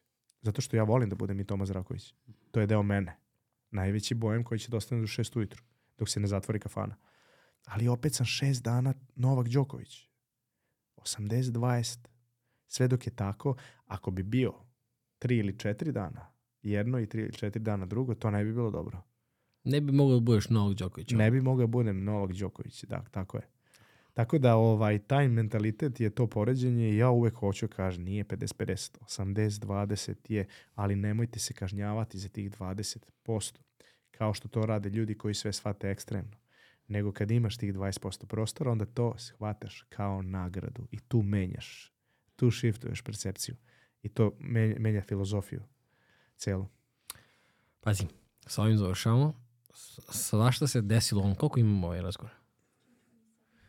Dva i po sata. Dobro, je, mislio sam da je više. Ovaj, Nadam se da nismo dosadili. Ovo je bio jedan onako mm, sporiji razgovor, sad ću da kažem ško, u kom smislu mislim. Da sam dosta razmišljao pre nego što ću da kažem, da nisam imao potrebu da pričam onom brzinom kojom inače ovako, da. ovako pričam, nego da sam stvarno, znaš, ono, obrađivao sam stvarno svaku reč koju si govorio, trudio sam se da skapiram što bolje mogu, u kom pracu ideš sa, sa idejom, znaš, jer ovo su samo zapisane sada izjave neke koje treba objasniti, koje treba pronaći mesto. Ali ono što mi je zanimljivo jeste da se svaka provlačila iz jedne Mm. u drugu, a sad znam kako si... A to nije namerno. Ovaj, Da, zato kažem. Da, da, da. Znam Skroz kako si mi to slao i, Da. i ovaj, iz koliko je to izvora koje si zapisivao sa kojih mesta, Da, pa mi onda ovaj, a, to poslao kao jednu, kao celinu, ajde idemo ovim putem, bravo. ali koliko je zapravo sve išlo nekom, nekom svojom logikom. Složilo znaš. se na kraju. Da, da. Složilo se na kraju i ono što bih hteo da, da kažem, da završim sa ovim je da pišete svoje pravila. Mm. A, da ih stvarate, da vidite šta odgovara. Ako nešto možete da uzmete od mojih, ja ću biti počastvovan. I stvarno će mi biti prijetno. A, ali ono što će mi biti prijatnije je da vas posle sve, svih ovih dva i po sata da podstaknem da napišete nešto svoje kroz šta će da se, se voditi e, kroz život, e, da ćete biti bolji ljudi zbog toga. Znači samo to, ta činjenica da treba da postoji to za svakog i da je to usmereno individualno a, je nešto što meni niko nije rekao sa 20 godina da to bi ono moglo da im koristi. Ja hoću samo kažem da je ovo jako moćan alat i da mi koristi svaki dan da ja budem bolja verzija mene. I to mi je bitno jako. Tako da pozivam ljude da posle ovog podcasta zapišu svojih par pravila. Ne mora 20. Ja ovdje imam 20 pravila. Nek zapišu par pravila na koji će se vraćati a, kad, god im, kad god ih život vrati na ta pravila. I koji će ih podsjećati kako treba da reaguju na te neke životne situacije baš zato što imaju ta pravila. Tako da ovaj ne dopustite da vas situacija preduhitri, da vas tad negde emocija ponese, da vam svašta desi, nego, ih, nego imajte svoje pravila koje ćete da znate kad se nešto desi, da primenite na jedan ili drugi način. Verujte mi, korisno je, verujte mi, moćno je. Hvala ti puno, ovo je pravo trenutak sada ako želiš da kažeš da sam se ponovo užživotinio. Jesi, u životinju se biceps levi, biceps desni, ljudi moji, veći je nego na kameri. Dosta ljudi u komentarima kažu da li je to moguće? Moguće, Moguće. je. Tako I je. ima razloga, sve svoje ima razloga. Tako je, tako je. Hvala ti puno na ovim komplimentima. i Bilo mi je drago ponovo da te vidim. Mi nastavljamo ovaj razgovor sada van kamera, definitivno, ali ovaj, stvarno svaki put od tebe nešto novo naučim, ne, u nekom drugom pravcu me odvedeš, dosta kompromituješ neke moje stavove, što mi se jako dopada, zato što na taj način rastem. I imam dovoljno poverenja u tebe da preispitam ono što mi kažeš. Ovaj, I to definitivno utiče kako na moj život, tako i na moj, uh, moj rad, na, na sve. Tako da ovaj, definitivno jedno onako uh, lepo iskustvo imam kada provodim vreme s tobom. Moram da ti kažem da je obostrano. Mhm. Obostrano je i, i stvarno ja se trudim da od svih učim, od tebe imam što da naučim, tako da je obostrana ta transfer i to je super. I to je super i zbog toga mi je uvijek zanimljivo kad sednem ovde. Ja znam, de, znači toliko te dobro poznajem da od ovih 20 pravila znam koje su i tvoje pravila, a znam koje si ti mislio da nisu, sad možda drugačije ih malo vidiš, a ima i pravila koje i dalje misliš da, da nisu. Na, znači, Na primjer, jako dobro. prolazak na crveno. Na primjer, prolazak na crveno, tačno znam da je to. da, da. Tako da, ovaj, eto, ovaj, igramo se malo i znam, bukvalno sam, sam čekao ovaj trenutak, tako da, eto, to je to. Ljudi, i ono što bih pozvao je u komentarima, možda, da, ovo je zanimljivo i konstruktivno, ako ste ostali do ovde, znači da ste baš zainteresovani. Možda napišite svoje neko pravilo da vide ljudi ostali, zato što će im to možda pomoći u životima. Tako da vam dajemo prostora u komentarima da ako hoćete napišite neko svoje pravilo koje je vama pomoglo. Jer će možda to pravilo pomoći i meni, možda će pomoći i Kosogoru ili Kosorogu ovaj, da bolje živi. Tako da eto, pozivamo vas svi da se otvorite malo, postavite svoje komentare, svoje pravila i kako ste vi doživjeli ovu emisiju. Pazi, rekao sam ti ovaj, na početku da ko, ko, ko je kome ovde došao, ja sam bukvalno imao ideju da im kažem napišite jedno pravilo kojim se najviše vodite u životu. Na, Ti si to tako lepo odjavio, tako da ovaj, sa tim završavamo. Hvala ti puno, brate moj. E, hvala tebi. Može, može, može. Opa. Opa. Hvala puno svima vama koji ste slušali i gledali ovaj podcast. Najbolji način da nas podržite jeste da se prijavite na ovaj YouTube kanal. Drugi najbolji način jesu PayPal, jednokratne donacije i Patreon. Treći najbolji način jesu naši novi sponzori. Pogledajte u opisu, ako slušate ovo na YouTube-u, postoje linkovi. Ukoliko iskoristite naš kod, mi dobijamo o, određeni deo toga, tako da, a vi dobijete 10% popusta, tako da nam a, simbolično pomažete. Hvala vam na tome. Uživajte i vidimo se sledeći put.